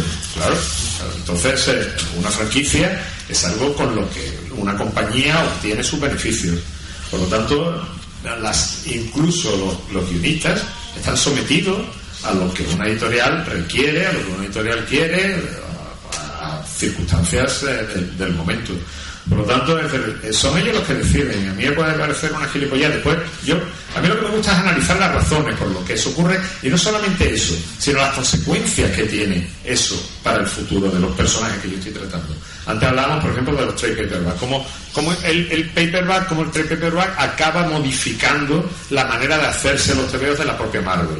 Como, por ejemplo, el color por ordenador cuando aparece la infografía, acaba transformando al superhéroe. El superhéroe era un señor que sin armas se enfrentaba a gente con armas. Cuando aparece el color infográfico, el superhéroe se llena de armas. ¿Por qué? Porque el color infográfico permitía sencillamente darle textura, darle relevancia a las texturas metálicas frente a la tela. Entonces quedaba mucho más molón, que era un término que estábamos utilizando antes, que es lo que básicamente se busca en una editorial, que las cosas molen, queda mucho más molón dibujar un, a un personaje cargado de pistolones que a alguien con un traje de tela. Entonces eso modifica el propio comportamiento del superhéroe. Entonces, nosotros estamos ahora en un punto donde todo, el- el- la aparición de los crossovers y de los grandes eventos, lo que hace es cambiarte el propio TV del superhéroe. Porque si te fijas, eso tiene mucho que ver con la desaparición de la identidad privada de los superhéroes. Desaparición en el sentido de que tiene menos relevancia dentro del cómic. ¿Por qué? Porque la gente acaba queriendo ver más cosas como Civil Wars, ¿eh? enfrentamientos entre ellos, y eso es- son números de páginas en las que tú no tienes que desarrollar personajes, vidas privadas, personajes secundarios. El tema de la, per- de la pérdida de la personalidad secreta de los personajes también tiene sentido. O sea, no tiene- ya no tiene relevancia que alguien sepa que el Capitán América es Steve Rogers. O sea, ya no tiene sentido porque es una personalidad pública, está en todos los lados. De hecho, si te fijas en el cine, se le llama superhéroe, pero los Vengadores tienen más que ver con Stephen Seagal que con un cómic de los Vengadores. ¿no? Los Vengadores hoy día ya no son superhéroes, son vigilantes, son paramilitares, es gente que vive del Estado, supuestamente del Estado, entonces ya ni siquiera son superhéroes en el sentido de gente con, un- con una doble identidad, sino que los actores, lógicamente, que lo que quieren es que se le la cara. Le pueden poner la máscara un momento, pero tú ya sabes que los dos minutos la van a perder. o sea, van a durar las máscaras menos que 50 sombras de Grey, eso está claro. y, que, básicamente el entorno de los superhéroes hoy en día es base secreta, en base secreta, en complejo cibernético, en eh, toda alta tecnología, joder, eso no cuesta una pasta ser superhéroe hoy en día, o sea, no sé, no, no, no tendría mucho sentido ya, ¿no? o sea, no te imaginas a un tío como Peter Parker en su habitación cosiéndose los agujeros que le ha hecho, yo que sé, cualquier villano, ¿no? Eh, eso, eso se perdió en su día y ya no se va a recuperar, es decir, porque los tiempos han cambiado y ya es lo que hay. Pero, pero bueno, el, daño que ha hecho el IFE por lo de las armas. ¿eh? Qué buen tipo es Rob. Él, él es muy majo. Es majísimo. A ver, ¿cuánta gente conocéis capaz de tintar una página mientras conduce? Y grabarse haciéndolos. Qué dos huevos, coño. Yo cuando lo conocí, a mí me cayó súper bien. Me caen de puta madre. O sea, Rob es uno de los tíos. Yo me acuerdo que cuando lo conocí en San Diego, Carlos, vente para Osu, vente para Osu. Yo no puedo tener un contrato en exclusiva. Cámbiate el nombre. Cámbiate el nombre. Es Genial, genial. Y Lowe, además, que era el, el, el director de Osu. eh, Rob es la palabra. Es un tío que hace lo que hace y, y- y es una No estrella. importa cuántos dientes le pongan los personajes.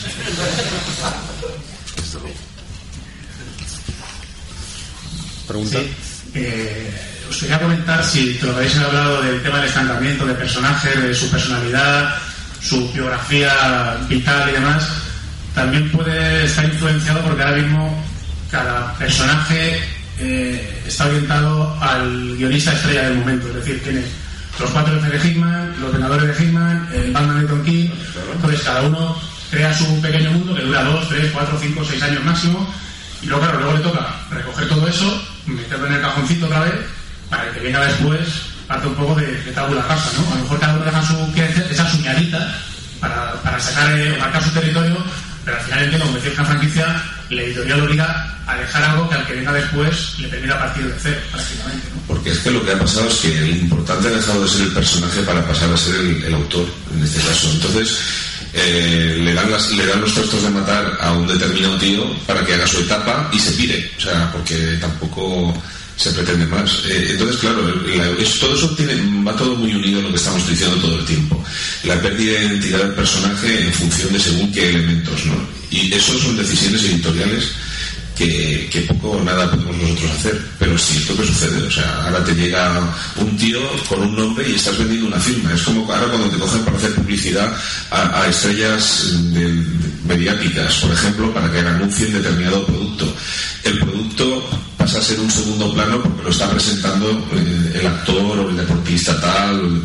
Eso, se pretende captar eh, la, atención momentánea con esa, con esa reacción, pero realmente que acaban sufriendo las, pérdidas, las colecciones una pérdida de identidad, claro, porque eh, tú intentas contar a lo mejor la historia definitiva sobre alguien, sobre qué personaje, pero claro, esto va a seguir, o sea, no puedes llegar y, resetearlo todo de cero para que el siguiente vuelva a empezar y dentro de seis meses estemos en el mismo punto, porque al final es lo que acaba pasando con, los reseteos continuos, con, fichajes de autores estrella, ¿no?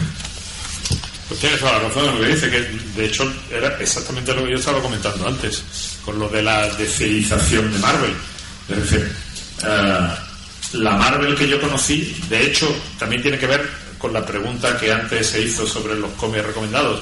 Pongo el ejemplo de Steve Engelhart. Cuando Steve Engelhart coge Capitán América, cuando Steve Engelhart coge Vengadores, no hace su etapa, pero hace su etapa sin que sea su etapa. O sea, Steve Engelhart lo que hace es, ¿qué es lo que se ha hecho antes? E incluso se va más atrás de lo que se ha hecho antes.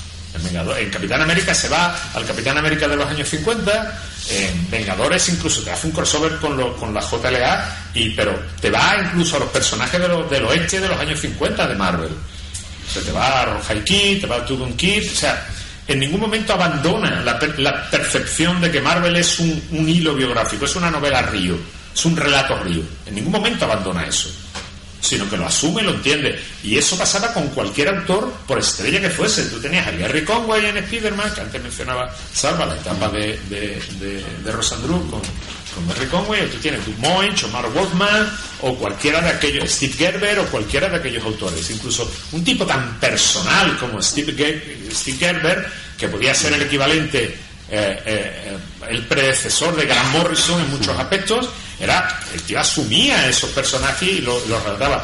¿Qué hacía DC? DC tenía la etapa de Neil Neil Adams en Batman, eh, Walt Simonson en, en Manhunter, eh, tenía etapas concretas que, cuando llegaba otro, con, con no contradecir, con no contradecir lo que se había hecho, ya era suficiente. Pero eran etapas completamente aisladas una de otra. Y ahora que se hace en Marvel, pues eh, exactamente eso. ¿Por qué? Porque, como dice Salva, también se contrata a mucha gente, se contrata a mucha gente que tiene un tirón en el nombre, al margen de lo que pueda saber o que pueda conocer del universo Marvel o de la propia biografía o, la- o su propia validez como literato.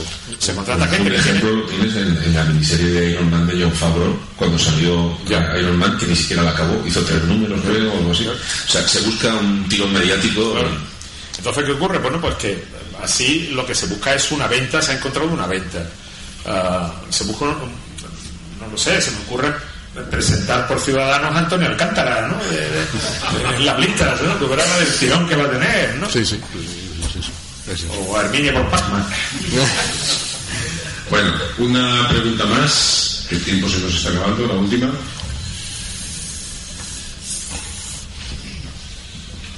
Vale, pues qué responsabilidad, ¿no? La última pregunta. Eh, no, quería comentaros qué cambio a nivel personal y profesional habéis notado después de tantos años en el mundo del cómic, desde que empezasteis ahora que se ha pasado al digital, ha habido también autores que hay polémica, no me gusta el digital, pero es más rápido, es necesario. ¿Qué cambio habéis notado a nivel personal y profesional en este aspecto? ¿Cómo os ha afectado a vuestra vida? Si queréis contar intimidades también se puede, ¿por qué no? Y, nada, ya eso un poco, y ver un poco la tecnología cómo ha afectado a, a todo al mundo del cómic. Eh, gracias. Vamos a ver. Estamos asumiendo que nosotros hacemos cómic como, como el que construye una nave espacial para ir a la Luna. Carlos eh, no hace un motor y yo el otro motor y el otro hace la cabina. Eh, Aquí, en el fondo, son profesiones individuales y solitarias. O sea, el método que tú adquieras para hacer esas páginas es un problema tuyo exclusivamente tuyo. O sea, tú lo único que tienes que tener es el TV acabado el día que ellos te piden. Como si lo quieres hacer con cincel en una piedra y consigues que Fede lo lleve. O sea, eh, aquí el tema es, yo por ejemplo, la primera vez yo lo hago digital. Por un motivo de comodidad. Simplemente porque eh, uno se hace mayor, los personajes no, pero yo sí. Entonces, eh, los dolores de cabeza intentando dibujar cosas pequeñitas, pequeñitas, pues eh, te obligan a forzar la vista, estás muchas horas trabajando. Y entonces la tecnología me permite coger una cinti y ampliar eso a un tamaño de un palmo. Me esfuerzo menos en el sentido de que tengo que forzar la vista menos. Pero si me sale como la mierda, la editorial no me lo va a comprar. A lo que voy es que el único que importa, a la editorial lo único que importa es que eso quede bien. Por supuesto, las tecnologías ayudan en lo que ayudan. Mm, usamos el Photoshop, usamos los servidores FTP, usamos Internet, ya usamos el fax, ya usamos mm, eh, tipo pues, mensajería, ese tipo de cosas, si hacemos digital ya no las usamos, pero a a la postre lo único que importa es que aquello esté bien. Lo que tú hagas se, entiende como autores españoles que Carlos y yo lo somos, y sí, lo somos, pero lo que Carlos hace en su casa no, no, no me lo consulta a mí cuando yo tengo que hacer la mía, solo les importa que tú acabes y entregues. Entonces, eh, la tecnología solamente ayuda a ese tipo de encomendar esa labor. Yo creo el cambio más grande que se ha producido desde que yo empecé hasta ahora es la aparición de Internet. Y si hay algo que ha afectado o que ha modificado el trabajo de autor, son las redes sociales. Porque eh, ese trabajo que antes era solitario, extremadamente solitario, ahora puedes realizarlo con una ventana abierta o con varias ventanas abiertas eh, si tienes Twitter, si tienes Instagram, si tienes- y mantienes una conexión con el aficionado y con otros autores y una relación con ellos que difícilmente era, era se mantenía, era mantenible en, en- otro momento. Hoy día tú tienes un feedback directo con el, con el, con la gente que está ahí detrás. Eh, en términos de promoción, en términos de, conocimiento de otros autores, de conocimiento porque hoy día te pu- puedes conocer incluso no ya al que llega, sino al que va a llegar. Porque tú ya estás viendo el trabajo de, la, de quién va a ser la competencia en un futuro. Si eres un poco, si eres un poco listo, estás viendo la gente que está colgando sus cosas en, las redes sociales y tú ya sabes quién tiene talento para, para quién tiene un nivel, más, más que talento, quién va teniendo un nivel para llegar. Entonces, todo eso modifica tu relación con la profesión. A mí eso me importa más que, que, que las técnicas o que cualquier otra cosa, porque una técnica, como decía Salva, mientras que hagas el TVO y estés en condiciones, la editorial te lo va. Ya es una cuestión de elección personal. Eh, tú antes podías trabajar sacando punta al lápiz de madera Stanley o después aparece eh, un portaminas. Eso es tecnología también. ¿no? La FinTech no deja de ser un paso evolutivo, pero no modifica, no modifica en sí el, el, el aspecto social y el aspecto eh, que va más allá Es del que hay trabajo. gente que cree que los programas los hacen los TVOs. Sí, pero bueno, sí, las máquinas, eso se decía. El Photoshop, eh, no, es que lo hace con Photoshop, ya, hazlo tú. Entonces a mí, ya te digo, a mí me, me parece mucho más relevante, mucho más trascendente, más que todo eso, que en el fondo es, es hacer lo mismo pero de otra manera, es como eso, como esa conexión con el, con el, sobre todo la conexión con el aficionado. Carlos, eso es un arma de doble filo, de triple y de No, ya eso es otra cosa, claro, ya eso es otra cosa. Como, porque, a ver, puede ser bueno, puede ser malo, pero en definitiva te permite un feedback, te permite una retroalimentación que, que, que bien usada puede ser puede ser eh, positivo en el sentido de, no puede ser, tú ya sabes cuál es la recepción que puede tener tu trabajo en un momento, o incluso, mira, pongo un ejemplo, ¿vale? Eh, yo, yo he llegado a conclusiones eh, que a mí me han servido mucho con relación a la, incluso a la crítica. Ah, recibo un, eh, yo tenía yo incluso le pedí a quien lo hacía, a Ruller Arzó, que cerrara una, una página de fan. Tenía mucha gente que era pues gente de mi pueblo, gente que no tenía realmente ningún vínculo con el mundo del cómic, hacía una pregunta y los y, y aficionados verdad empezaban a meterse con esa persona, con el alcalde del pueblo que hizo una pregunta bastante gilipollas y tal. Bueno, pues esto no tiene, no tiene tampoco mucho sentido de pedir que la cerrara. Pero allí había un señor que se metía con mi trabajo, se metía constantemente con mi trabajo. Bueno, en su derecho, ¿no? Para meterse con mi trabajo, ¿no? Porque, porque le tiene que gustar. Tampoco entendía que alguien a que no le guste lo que tú haces se meta en una página de fans, pero bueno, eso es, ya cada uno tiene sus propios derechos. Total, que, que, que un día ya voy a investigar quién es este, este tío, porque para eso se ha inventado Facebook, para cotillear a la gente. ¿Quién es el pavo este que está?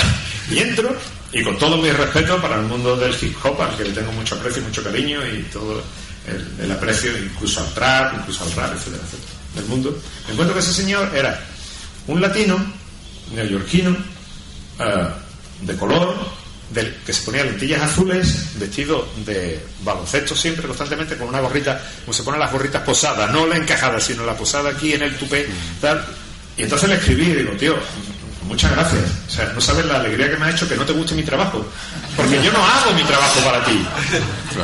Yo no hago, lo que yo hago no está hecho para ti, está hecho para otra gente. Así que te aprecio. Entonces me di cuenta de que es cierto que hay aficionados que rechacen el trabajo de un autor en un momento determinado, pueden no hacerlo bien, pero me di cuenta que el mercado del superhéroe es muy particular. El, el mercado del superhéroe es muy particular porque, vuelvo a insistir, se venden franquicias. Entonces hay- es, es un mercado transversal donde te encuentras todo tipo de aficionados, gente con intereses completamente distintos, que le puede interesar en un momento determinado un personaje, pero eso no significa que porque le interese ese personaje le puede interesar eh, tu trabajo si a ti te encargan hacer ese personaje, sino que él va por otro lado.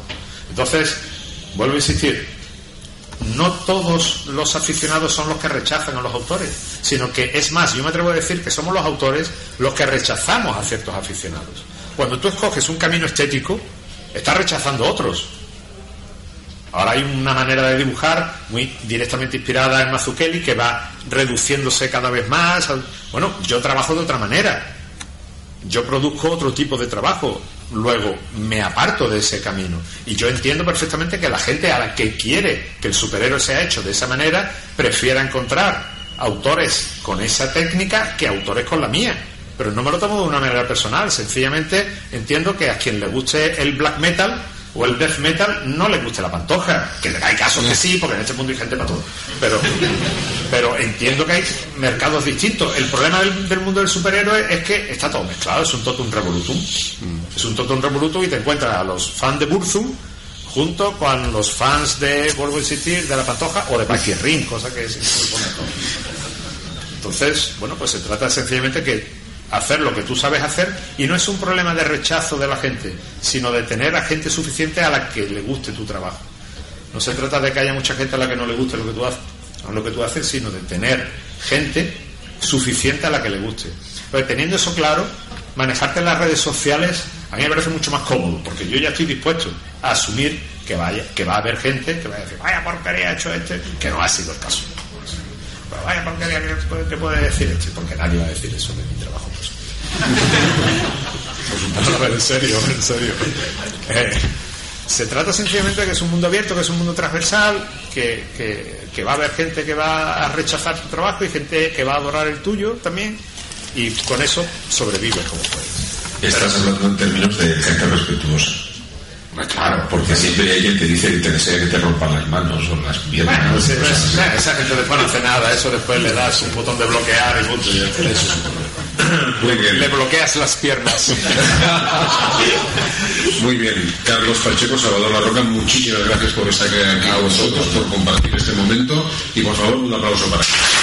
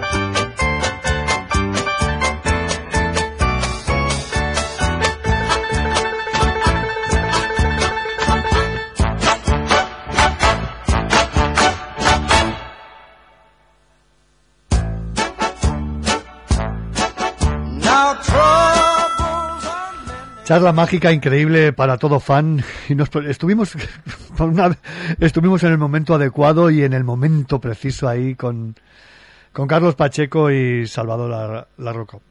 Otra persona que lo conoció incluso participó en, en su libro y tuvo el placer de que le hiciese el prólogo para ese libro genial y recomendable en todo momento que es Batman, la inolvidable serie de los 60 es Doc Pastor. Doc Pastor, amigo y amigo personal del programa y lo considero amigo mío. ¿Qué tal, Doc? Muy buenos días y bienvenido una vez más al Quinto Fantástico. Hola Alberto, ya sabes que yo siempre estoy encantado de poder charlar contigo. ¿Qué tal? ¿Cómo estás? Bien, un poco cansado, yo unos días que no duermo bien, y bueno, ya sabes que estoy con todo el tema de la palabra, con el voz, el piso y demás, que eso siempre es un jaleo. Espera, espera un momento, eh, Doc. Me, me dice Maite que si puedes quitar el manos libres, para así, así no tenemos en voz entrecortada. Un segundo. Mejor ahora está Ah, hoy, divino, divino. Vale, ya está. Venga, pues ¿qué, qué me, me estabas contando? Perdona. Nada, no te preocupes, que estaba con los cascos por comodidad. No, bien que que estoy, estoy bien con todo el jaleo de la mudanza, la ciudad y eso, que ya sabes que estas cosas, si cambiarse de casa es un jaleo, hacerlo en la ciudad es, vamos, 15 veces más. Y además tú que también eres coleccionista y comiquero, Bueno. pues ya sabes la fiesta que es esto. Claro, tengo todas mis cosas ahí en un almacén que no, no puedo tocarlas, también tengo unas ganas de tener la casa y poder colocar mis figuras, tener mis libros, vamos, no te haces idea. Oye, ¿qué tal en Zaragoza? ¿Te, te vas asentando o qué? Pues sí, la verdad, me está gustando. No se parece mucho a Valladolid, como yo nací allí. Y bien, la verdad, el clima es frío pero seco, con lo cual yo estoy encantado porque te abrigas un poquito y ya está. La gente es muy maja, hay muy buena gastronomía. De momento, lo, lo que he ido viendo, que claro, tampoco conozco tanto porque hasta hace nada que ya hemos encontrado el piso, falta hacerle cositas para entrar. mi vida básicamente ha sido por la mañana escribir el libro que estoy trabajando ahora y por las tardes irme a ver pisos, con lo cual he ido viendo la ciudad de, de un piso a otro. Bueno, eso eso es importante, que te vayas aposentando y que vaya y que vaya te vayas integrando, que yo creo que el Zaragoza gana en calidad contigo contigo allí. Hombre, muchas gracias. Oye, eh, ¿cómo te enteras de la, de la muerte de, de Carlos Pacheco? Es un palo, ha sido un palo para todos, eh, todo aficionado, tanto fandom como amigos, vaya. Mira, yo me enteré tristemente, me desperté y un, un amigo de Santander eh, me había puesto un mensaje con, con un enlace a, a la noticia diciéndome, oye, pero tan mal estaba. Claro, me, me quedé en eso que, hostia puta. Eh, y empecé a mirar, me metí, pues, Mundo, eh, Norte de Castilla, periódicos más o menos grandes y tal, y, y salía la información y reconozco, porque bueno, ya sabes todo lo que pasó ese día, los Sí, errores, sí, todo, sí. Todo esto, que a mí como tenía amistad con él, no era amigo íntimo, pero sí tenía cierta amistad y nos conocíamos de un montón de eventos y charlas y cosas, pues me pudo la parte personal por encima de la profesional, que mira que suelo ser para esto, ya sabes cómo soy, y, y me acuerdo que me fui, llamé al, al baño, estaba mi pareja en la ducha, y me abracé y me puse a llorar, tal cual, o sea, me, me quedé tan en shock y tan que no sabía, y luego el resto del día fue horrible, porque estaban las informaciones que sí, sí, que si no, que tal, luego ya me estoy informando un, un poco más, y claro, cuando pues, el, el hijo había comentado que realmente, como lo, lo dijo, que era que estaba en, en boxes esperando para, bueno, porque era donante de órganos, lo cual, claro, también dices, sea como sea, Carlos ya no está ahí tampoco. Era, era, era- no sé, un día horrible. De esos días que, que piensas, ojalá podamos olvidar y que jodidamente sabes que no vamos a olvidar porque lo vamos a recordar. Pero por otro lado, eh, escribí luego al par de días un artículo hablando de esto y de cómo todos, todos corrimos mucho, pero comenté que más allá de, de todos estos errores que cometemos los periodistas, que al final somos personas y, y todo lo que hubo, al menos yo prefiero verlo así, fue un día lleno de amor y de respeto hacia Carlos. O sea, las redes ardían con homenajes hacia él, a su obra, a lo que ha significado. Y es un... Es, es, es triste pensar que fue antes de que realmente hubiese fallecido, pero ¿qué quieres que te diga? Ver a todos esos aficionados, todos los profesionales, todo el mundo compartiendo anécdotas, hablando de él, compartiendo su trabajo, diciendo lo importante que había sido, a mí me pareció algo maravilloso y precioso.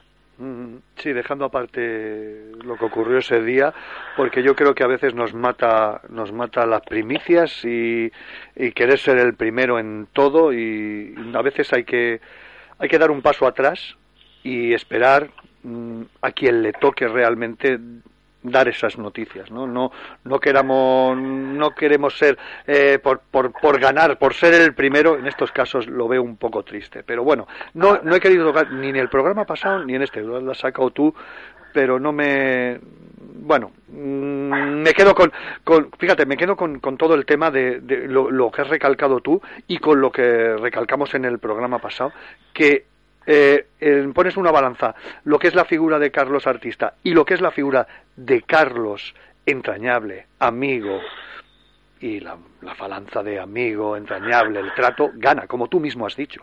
Mira, comentaba yo al par de días, me vieron un, un momento, fue una tontería, pero es que me acuerdo, estaba escribiendo eso que te viene de imagen y estuve desbobado media mañana de un evento, de- no, no me acuerdo en cuál, que estábamos hablando varias personas comentando sobre amor, que además tú ya sabes que a mí me encanta. Sí, sí. Y no me acuerdo el por qué de pronto Carlos soltó Namor, Namor, Namor de Marle. Fue una tontería lo del Namor de Marle, pero me acuerdo que nos estallamos en carcajadas, que es una tontería que seguro que si no estás ahí ni, ni hace gracia, pero es que me vino y no pude evitar estallar en carcajadas y pensar en lo divertido que era y además, como hablaba y esas anécdotas que siempre tenía, era un tío majísimo, la verdad, que no se puede decir otra cosa.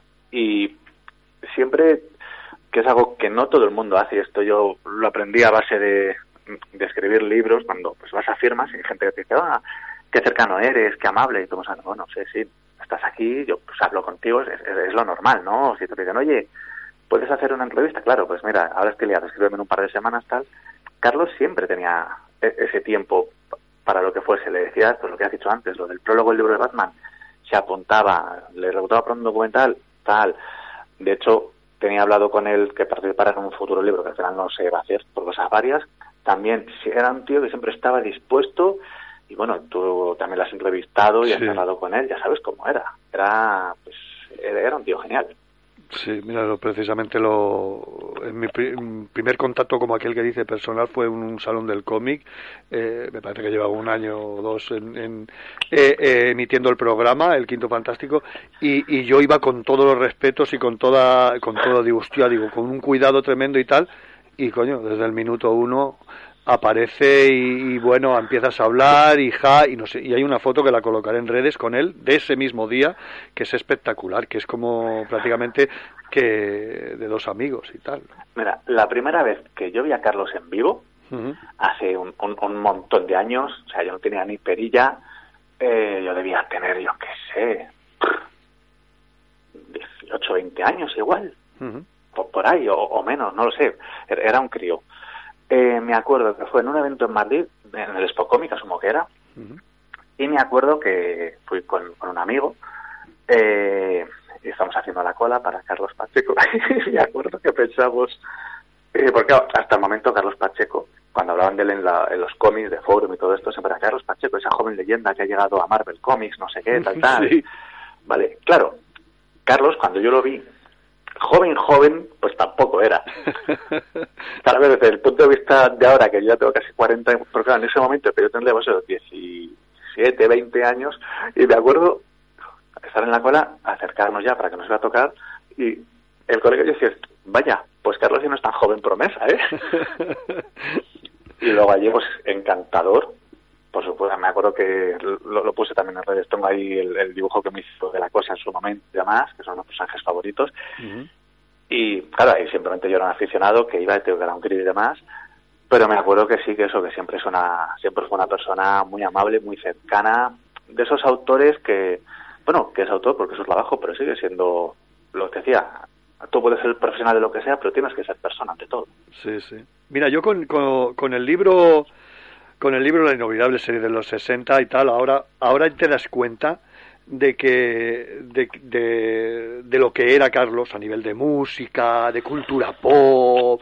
Eh, bueno, yo creo eh, ahora mm, eh, con lo que a raíz de su muerte y tal eh, y valoras mucho más. Yo creo que tendrías que alucinar tú cuando le pides el, el, el prólogo, dice, hazme el prólogo, porque con toda la sabiduría que tenía él de cultura pop, yo creo que, vamos, sería increíble el poder compartir esos momentos para trabajar el prólogo o incluso para decirle, oye, pues voy a hacer esto, no lo sé, no lo sé cómo sería, si no lo puedes contar, sería, vamos, sería genial.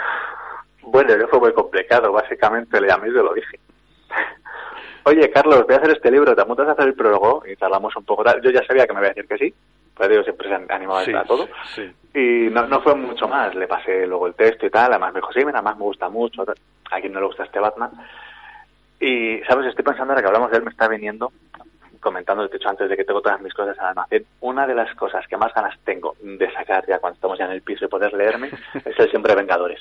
Oh, Y el Batman Superman Poder Absoluto. No sé si te acuerdas de cuál es. sí, sí. Pues esos dos, sobre todo Siempre Vengadores. De hecho, es que para mí, hasta el momento, solo ha habido dos personas que han sabido dibujar bien a Kang.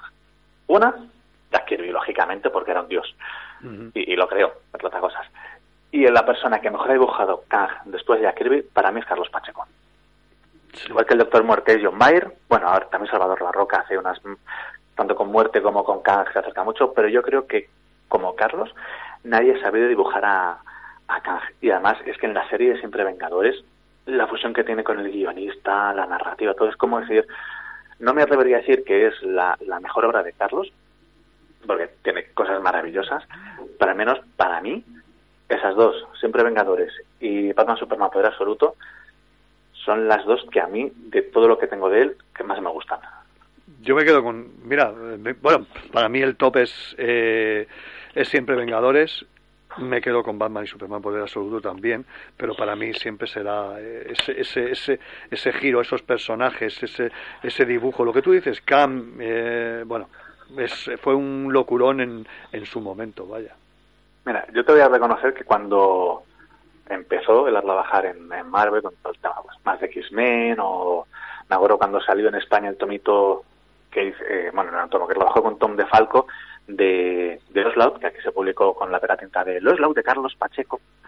Yo recuerdo que al principio, principio, a mí no me gustaba nada, pero porque era como muy, no sé si te acuerdas esa- esas esas manos que hacía al principio. Ostras, no, no he caído en ese detalle. Ah, bueno, pues eso es una tontería, pero que como dijo un amigo era como manos con artritis y era como, bueno, claro, era más picudo, más no para, para la época y demás. Y claro, a mí siempre me había gustado mucho el cómic clásico. De hecho, yo cuando sacaron los primeros, los Classic X-Men, Classic Spider-Man, Classic Fantastic Four, una de las primeras historias de Stanley Kirby, yo me abalancé sobre ello. Ay Dios, qué maravilla es esto. Yo tenía, no sé, 10, 12 años, igual. Y claro, al principio como que no me entró. Pero luego con los años fue, aparte de que él evolucionó como autor, a mí me fue, se me fue ampliando el, el gusto, claro, y cada vez me iba gustando más. Y de hecho era de estos autores que sabes que si él está, al menos la parte visual, va a estar bien. Es como cuando en una película sale Harvey Keitel, que tú sabes que la peli puede ser un desastre, pero él va a estar bien. Pero va a Pues estar esto bien. no- claro, Sí. exacto, es de estos autores que hagas lo que hagas, él si- siempre va, va a cumplir, sabes que va a estar bien. Eso se le nota la pasión, el cariño, y si encima lo juntas con guionistas buenos, como era el caso de Siempre Vengadores y tal, claro, ahí ya era una maravilla todo. Sí, sí, sí, ahí con Busi hay que hacer es, es espectacular. Sí, sí, sí. mm, Y sobre todo, fíjate, los, traba- los trabajos, no sé si te, te hiciste con la con la última, la bueno, la reedición que hicieron hace unos años Panini, no sé si te hiciste No, con ella. la tenía una- Jan Grappa y a veces me recompro cosas, sobre todo las Secret Wars, que la tengo como tres o cuatro veces, pero porque soy vicioso de las Secret Wars, de las clásicas, pero lo demás pocas veces no suelo recomprar. Además es que me gusta mucho la grapita, para leerme es muy Sí, cómoda. sí, sí, a mí también. A mí- Yo, yo soy muy de grapa. Ahora, fíjate cómo se ha puesto ahora de precio y tal, pero yo soy muy, muy, muy, muy de grapa. De la época vértice, para que te me engañas, ¿no? Eso ya es, eso ya son tomitos, ¿eh? pero bueno. Sí, sí, sí.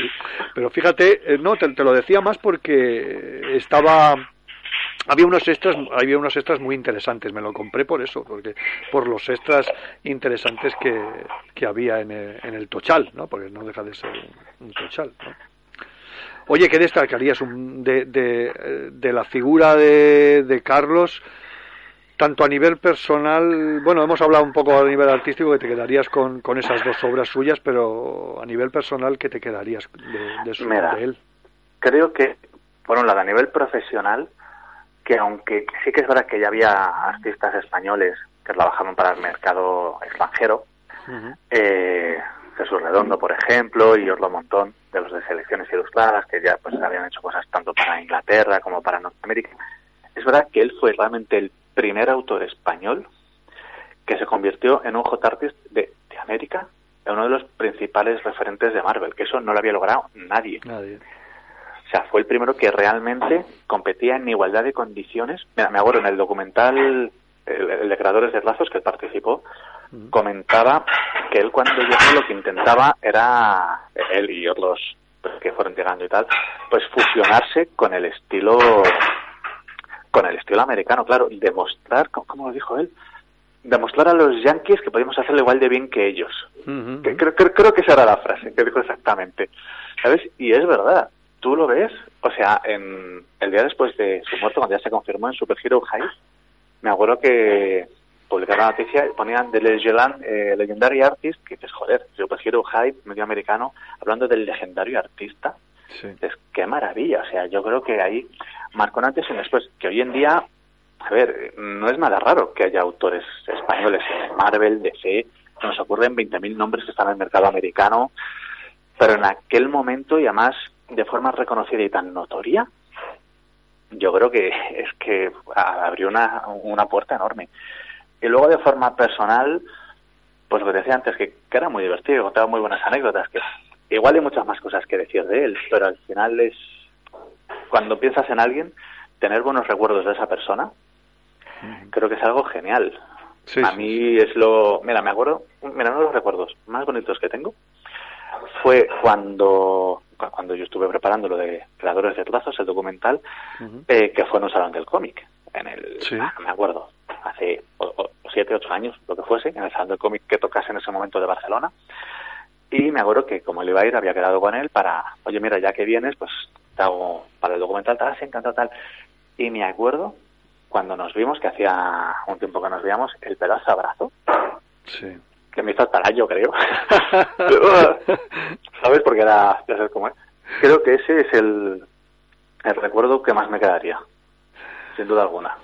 Eh, hablándolo con los anteriores, el- en el programa pasado con los anteriores invitados, yo creo que, que se merece, bueno, con el paso del tiempo yo creo que, que nos daremos cuenta y las nuevas generaciones se darán cuenta de la, de la figura, sobre todo de Carlos Pacheco. Pero yo creo que, que todavía queda mucho para el Salón del Cómic de Barcelona.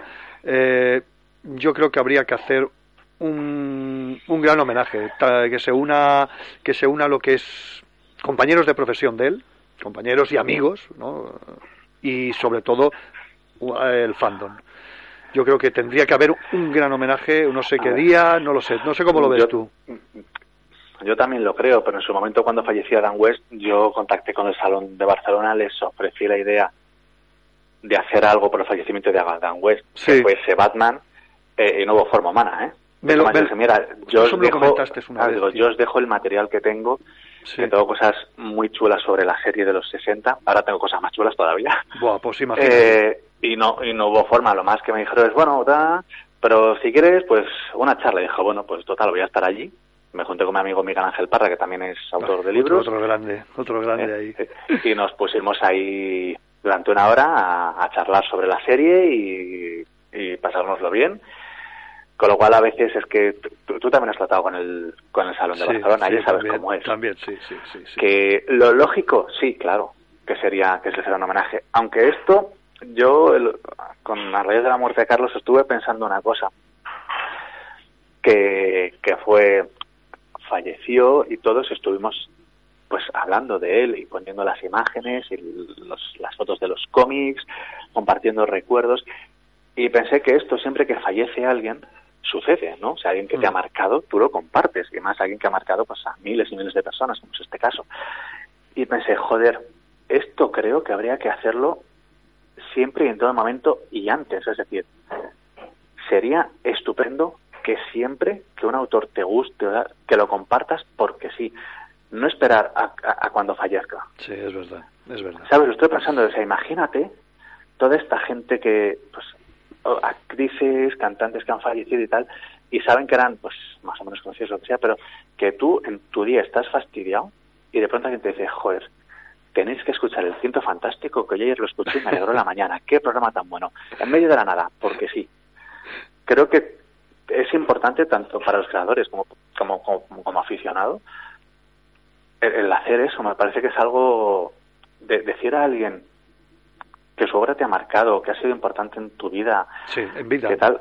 Claro, en vida creo que es, creo que los homenajes en muerte están muy bien, pero un homenaje en muerte, el homenajeado, al menos depende de las creencias de cada uno, pero lo que es en el, en el plano físico no va a estar.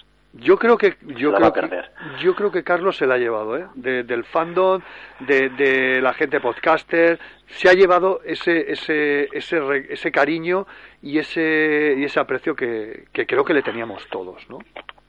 Y mira, el ejemplo lo tienes en el abrazo que, que me habías dicho que, que te dio nada más verte después de, de tanto tiempo, ¿no?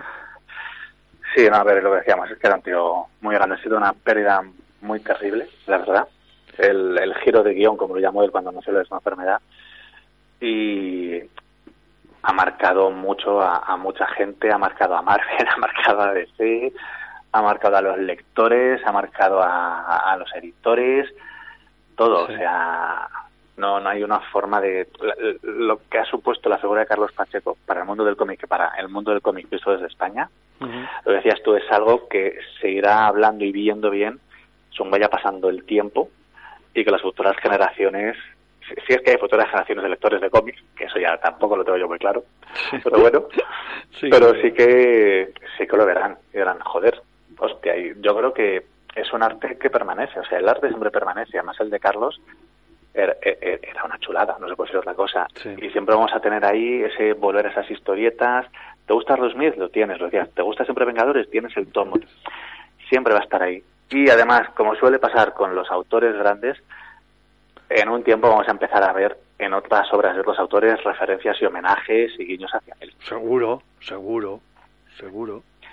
Oye, seguro que sabe- ahora me está viniendo a la, a la memoria. No bueno, no sé si vas a estar, eh, vas vas a estar en Zaragoza, en el Salón del Cómic de Zaragoza. Hombre, vivo aquí. Ahora. Ya, ya, ya, ya, ya, digo, digo, no, hombre, ya me imagino, pero no sé, digo, a ver si estás buscando y tal, pero es que ahí te van a coger, bueno, están los de X-Car, Mala Vida, los, bueno, ahí hay gente que que ama el cómic, que ama todo Sí, la no, yo he ido cultura conociendo, yo he ido conociendo algunos y demás. De hecho, a ver, en teoría, en principio, eh, Letla Blanca tiene stand, con lo cual estaré en el stand de Letla Blanca, como siempre, repartiendo amor y alegría. Sí. Eh, depende de cómo lleve el tema del piso, estaré más o menos tiempo, claro. Sí, sí. Pero sí, sí, en principio sí estaré. Estuve ya el año pasado Sí. y reconozco que fue una decepción, porque mucha gente me había hablado muy bien de él y el año pasado estaban súper restrictivos con las medidas, Sí, es que el acceso de gente, Ya. estaba súper desangelado, que por un lado estuvo bien, porque los de los stands pudimos salir y hablar pues con, con gente de los stands. Pues mira, yo aproveché y me pegué la parrafada con Ricardo de Nuevo 9, con Emilio de la Cúpula, pues, pero tampoco, tampoco había gente, te aprovechabas. Pero claro, pero es un fue este año espero que sea en principio te apunta que será más normal y sí que será ese evento que a mí me habían comentado que es repleto de gente de felicidad de cómics. Te digo, el año pasado fue como una primera experiencia muy floja, por eso, por las medidas que todavía estábamos. Pero tengo ganas de estar de verdad allí en, en un año normal. Oye, ¿qué tienes en mente? ¿Qué, qué- si nos puedes avanzar alguna cosita, no lo sé. Eh, está la segunda parte de los viajes en el tiempo. ¿cómo? Bueno, Sí, no, no, no, estoy- no quiero que no quiero destripar nada. Quiero que seas tú, pero bueno, si puedes avanzarnos algo, si no, pues nada. Pues a ver, en principio este libro lo entregaré ahora antes de final de año. De hecho, estoy ahora, dale que te pego para llegar bien al plazo, porque con todo lo de la mudanza y tal, tuve que retrasar un poco la entrega. Que el editor no tuvo problema, porque evidentemente, te está montando la ciudad, pues no, no puedes hacer, pues ya está. Sí, sí. Y si todo va bien, saldrá el ah, en, en- en abril, creo que era la intención de Redbook. El prólogo lo hace Albert Montéis. ¡Ostras! ¡Qué bueno! ¡Qué bueno! Porque quería ver si podía hablar de universo en el libro, que al final no lo he conseguido encajar como yo quería, y fue un- Yo, yo quiero que, que, que Albert está en algún sitio, le escribí y encantado, lo hizo, tal. Eh, al menos, ya que no hablo de universo, que se vea. Es- no sé si tú lo has leído, pero es una obra Sí, maravillosa. sí, sí, sí, sí, sí, por eso te digo. Eh, Matadero Lu- 5. Me han- gustado más Matadero 5, ¿eh? Mm. Pero bueno, va a gustos, eso, eso va a gustos. Y luego, pues, hay cosas entregadas. Lo que pasa es que está siendo un año complejo. Por ejemplo, hice un libro que era Guía para el viajero del tiempo, que era un, un- un libro humorístico, precisamente pues lo que te dice el título, una guía para el viajero del tiempo, que iba a hacerse con Dolmen, pero después de dos años de tener Dolmen con el proyecto congelado, hemos rescindido el contrato, porque no había forma de ir ni para adelante ni para atrás y quedaba claro que la editorial no tenía la más mínima intención de sacarlo. Y de hecho, seguramente esto sea el final de mi relación profesional con Dolmen. No, no creo yo que, que vaya a surgir ningún libro más con ellos. Quién sabe, el mundo es, es muy complicado y la vida es muy larga, puede sí. ser. Pero bueno, y ahora ese libro está, bueno, supongo que buscaré a ver dónde lo puedo encajar. El año que viene sí que saldrá, ya que hablabas del libro de Batman de los 60, saldrá una, creía que una nueva versión, pero no es exacto, Ujú. saldrá una una revisión en un salón del cómic hablando con los de The Force Books, que no sé si los conoces, Sí, sí. ¿vale? Pues José, el, el fundador, es amigo mío desde hace muchos años, y comentando, pues los dos teníamos ganas de trabajar uno con el otro. Y le dijo, oye, mira, yo llevo tiempo queriendo sacar una nueva versión del libro de Batman de los 60 a color, con una maquetación profesional, con una editorial. Digo, si te parece, podemos empezar por ahí. Ya que él justo me dijo, mira, yo llevo tiempo queriendo publicar un libro del Batman de los 60. Ujú. Dije, pues perfecto. No es exactamente el mismo libro que tú tienes o que tienen otros lectores, porque va a haber sido, pues eso, una revisión con a color y con mejor diseño y un par de actualizaciones y luego pues empecé a tocar más cosas y al final pues el libro no es el mismo. Básicamente, entre apartados que quité, otros que amplié, algunos que añadí y algún cambio por ahí, la esencia es la misma, pero no es exactamente el mismo libro. El que se lo compre van a ver cosas bastante distintas. Pues estaremos... Y luego hay... Perdón, No, no, dime, dime, dime, dime. Ya, y termino con el spameo. y luego hay un par de novelas por ahí moviéndose. Una, que en teoría saldrá el año que viene, que se llama Tierra de Demonios, que es una novela de corte pulp, de un mundo que ha sido conquistado por los demonios, es una historia ambientada aquí en España, y que en teoría, si todo va bien, saldrá también el año que viene. Que además ya tengo muchas ganas de sacar algo de narrativa, Muy bien. porque la divulgación está muy bien, pero llega un punto que te aburre. Y luego hay varios proyectos que tengo que meterme con ellos cuando acabe, cuando acabe el viaje en el tiempo, que ya te digo, estoy ahora tecleando que me queman los dedos. Fenomenal, fenomenal. Me encanta de que, de que estés, de que estés ahí funcionando. Y estaremos a la expectativa para que, para que nos cuentes eh, cuando salgan estas aventuras. Todo que ha sido un placer tenerte, tenerte aquí en el Quinto Fantástico una vez más, ahí y contándonos esta, estas cositas. Espero verte pronto. Si no es en Zaragoza, en el Salón del Cómic o en, bueno, seguro que nos veremos. Ya sabes que yo siempre que quieras, estoy encantadísimo de hablar contigo. Nada, Doc. Oye, un abrazo y, y nos vemos, nos vemos en la próxima. Un abrazo, señor. Gracias. Hasta luego. Look around me. I can see my life before me, running rings around the way it used to be. Ha dejado tanta huella Carlos que va a ser imposible que el tiempo olvide todas sus obras y todas sus charlas, tanto a nivel personal como artística. Espero que, como comentamos en el programa anterior, se pueda realizar un gran homenaje a Carlos. Que se realice en una auténtica comunión entre fandom, amigos y familiares. Y solamente me puedo despedir con la canción de los Cross y Steel Nash y con una frase que dijo en un, pro- en un podcast de Ansia Viva. Menos aplausos y más croquetas. Gracias, Carlos.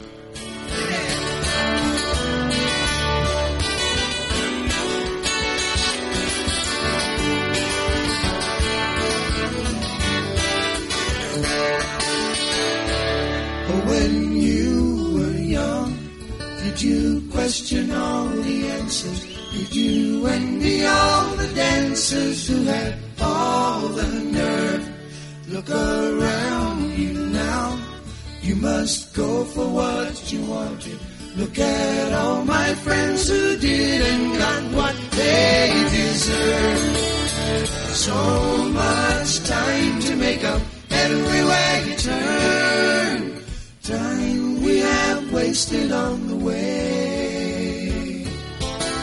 So much water moving underneath the bridge. Let the water come and carry us away. And there's so much love to make up everywhere you turn. Love we have wasted on the way.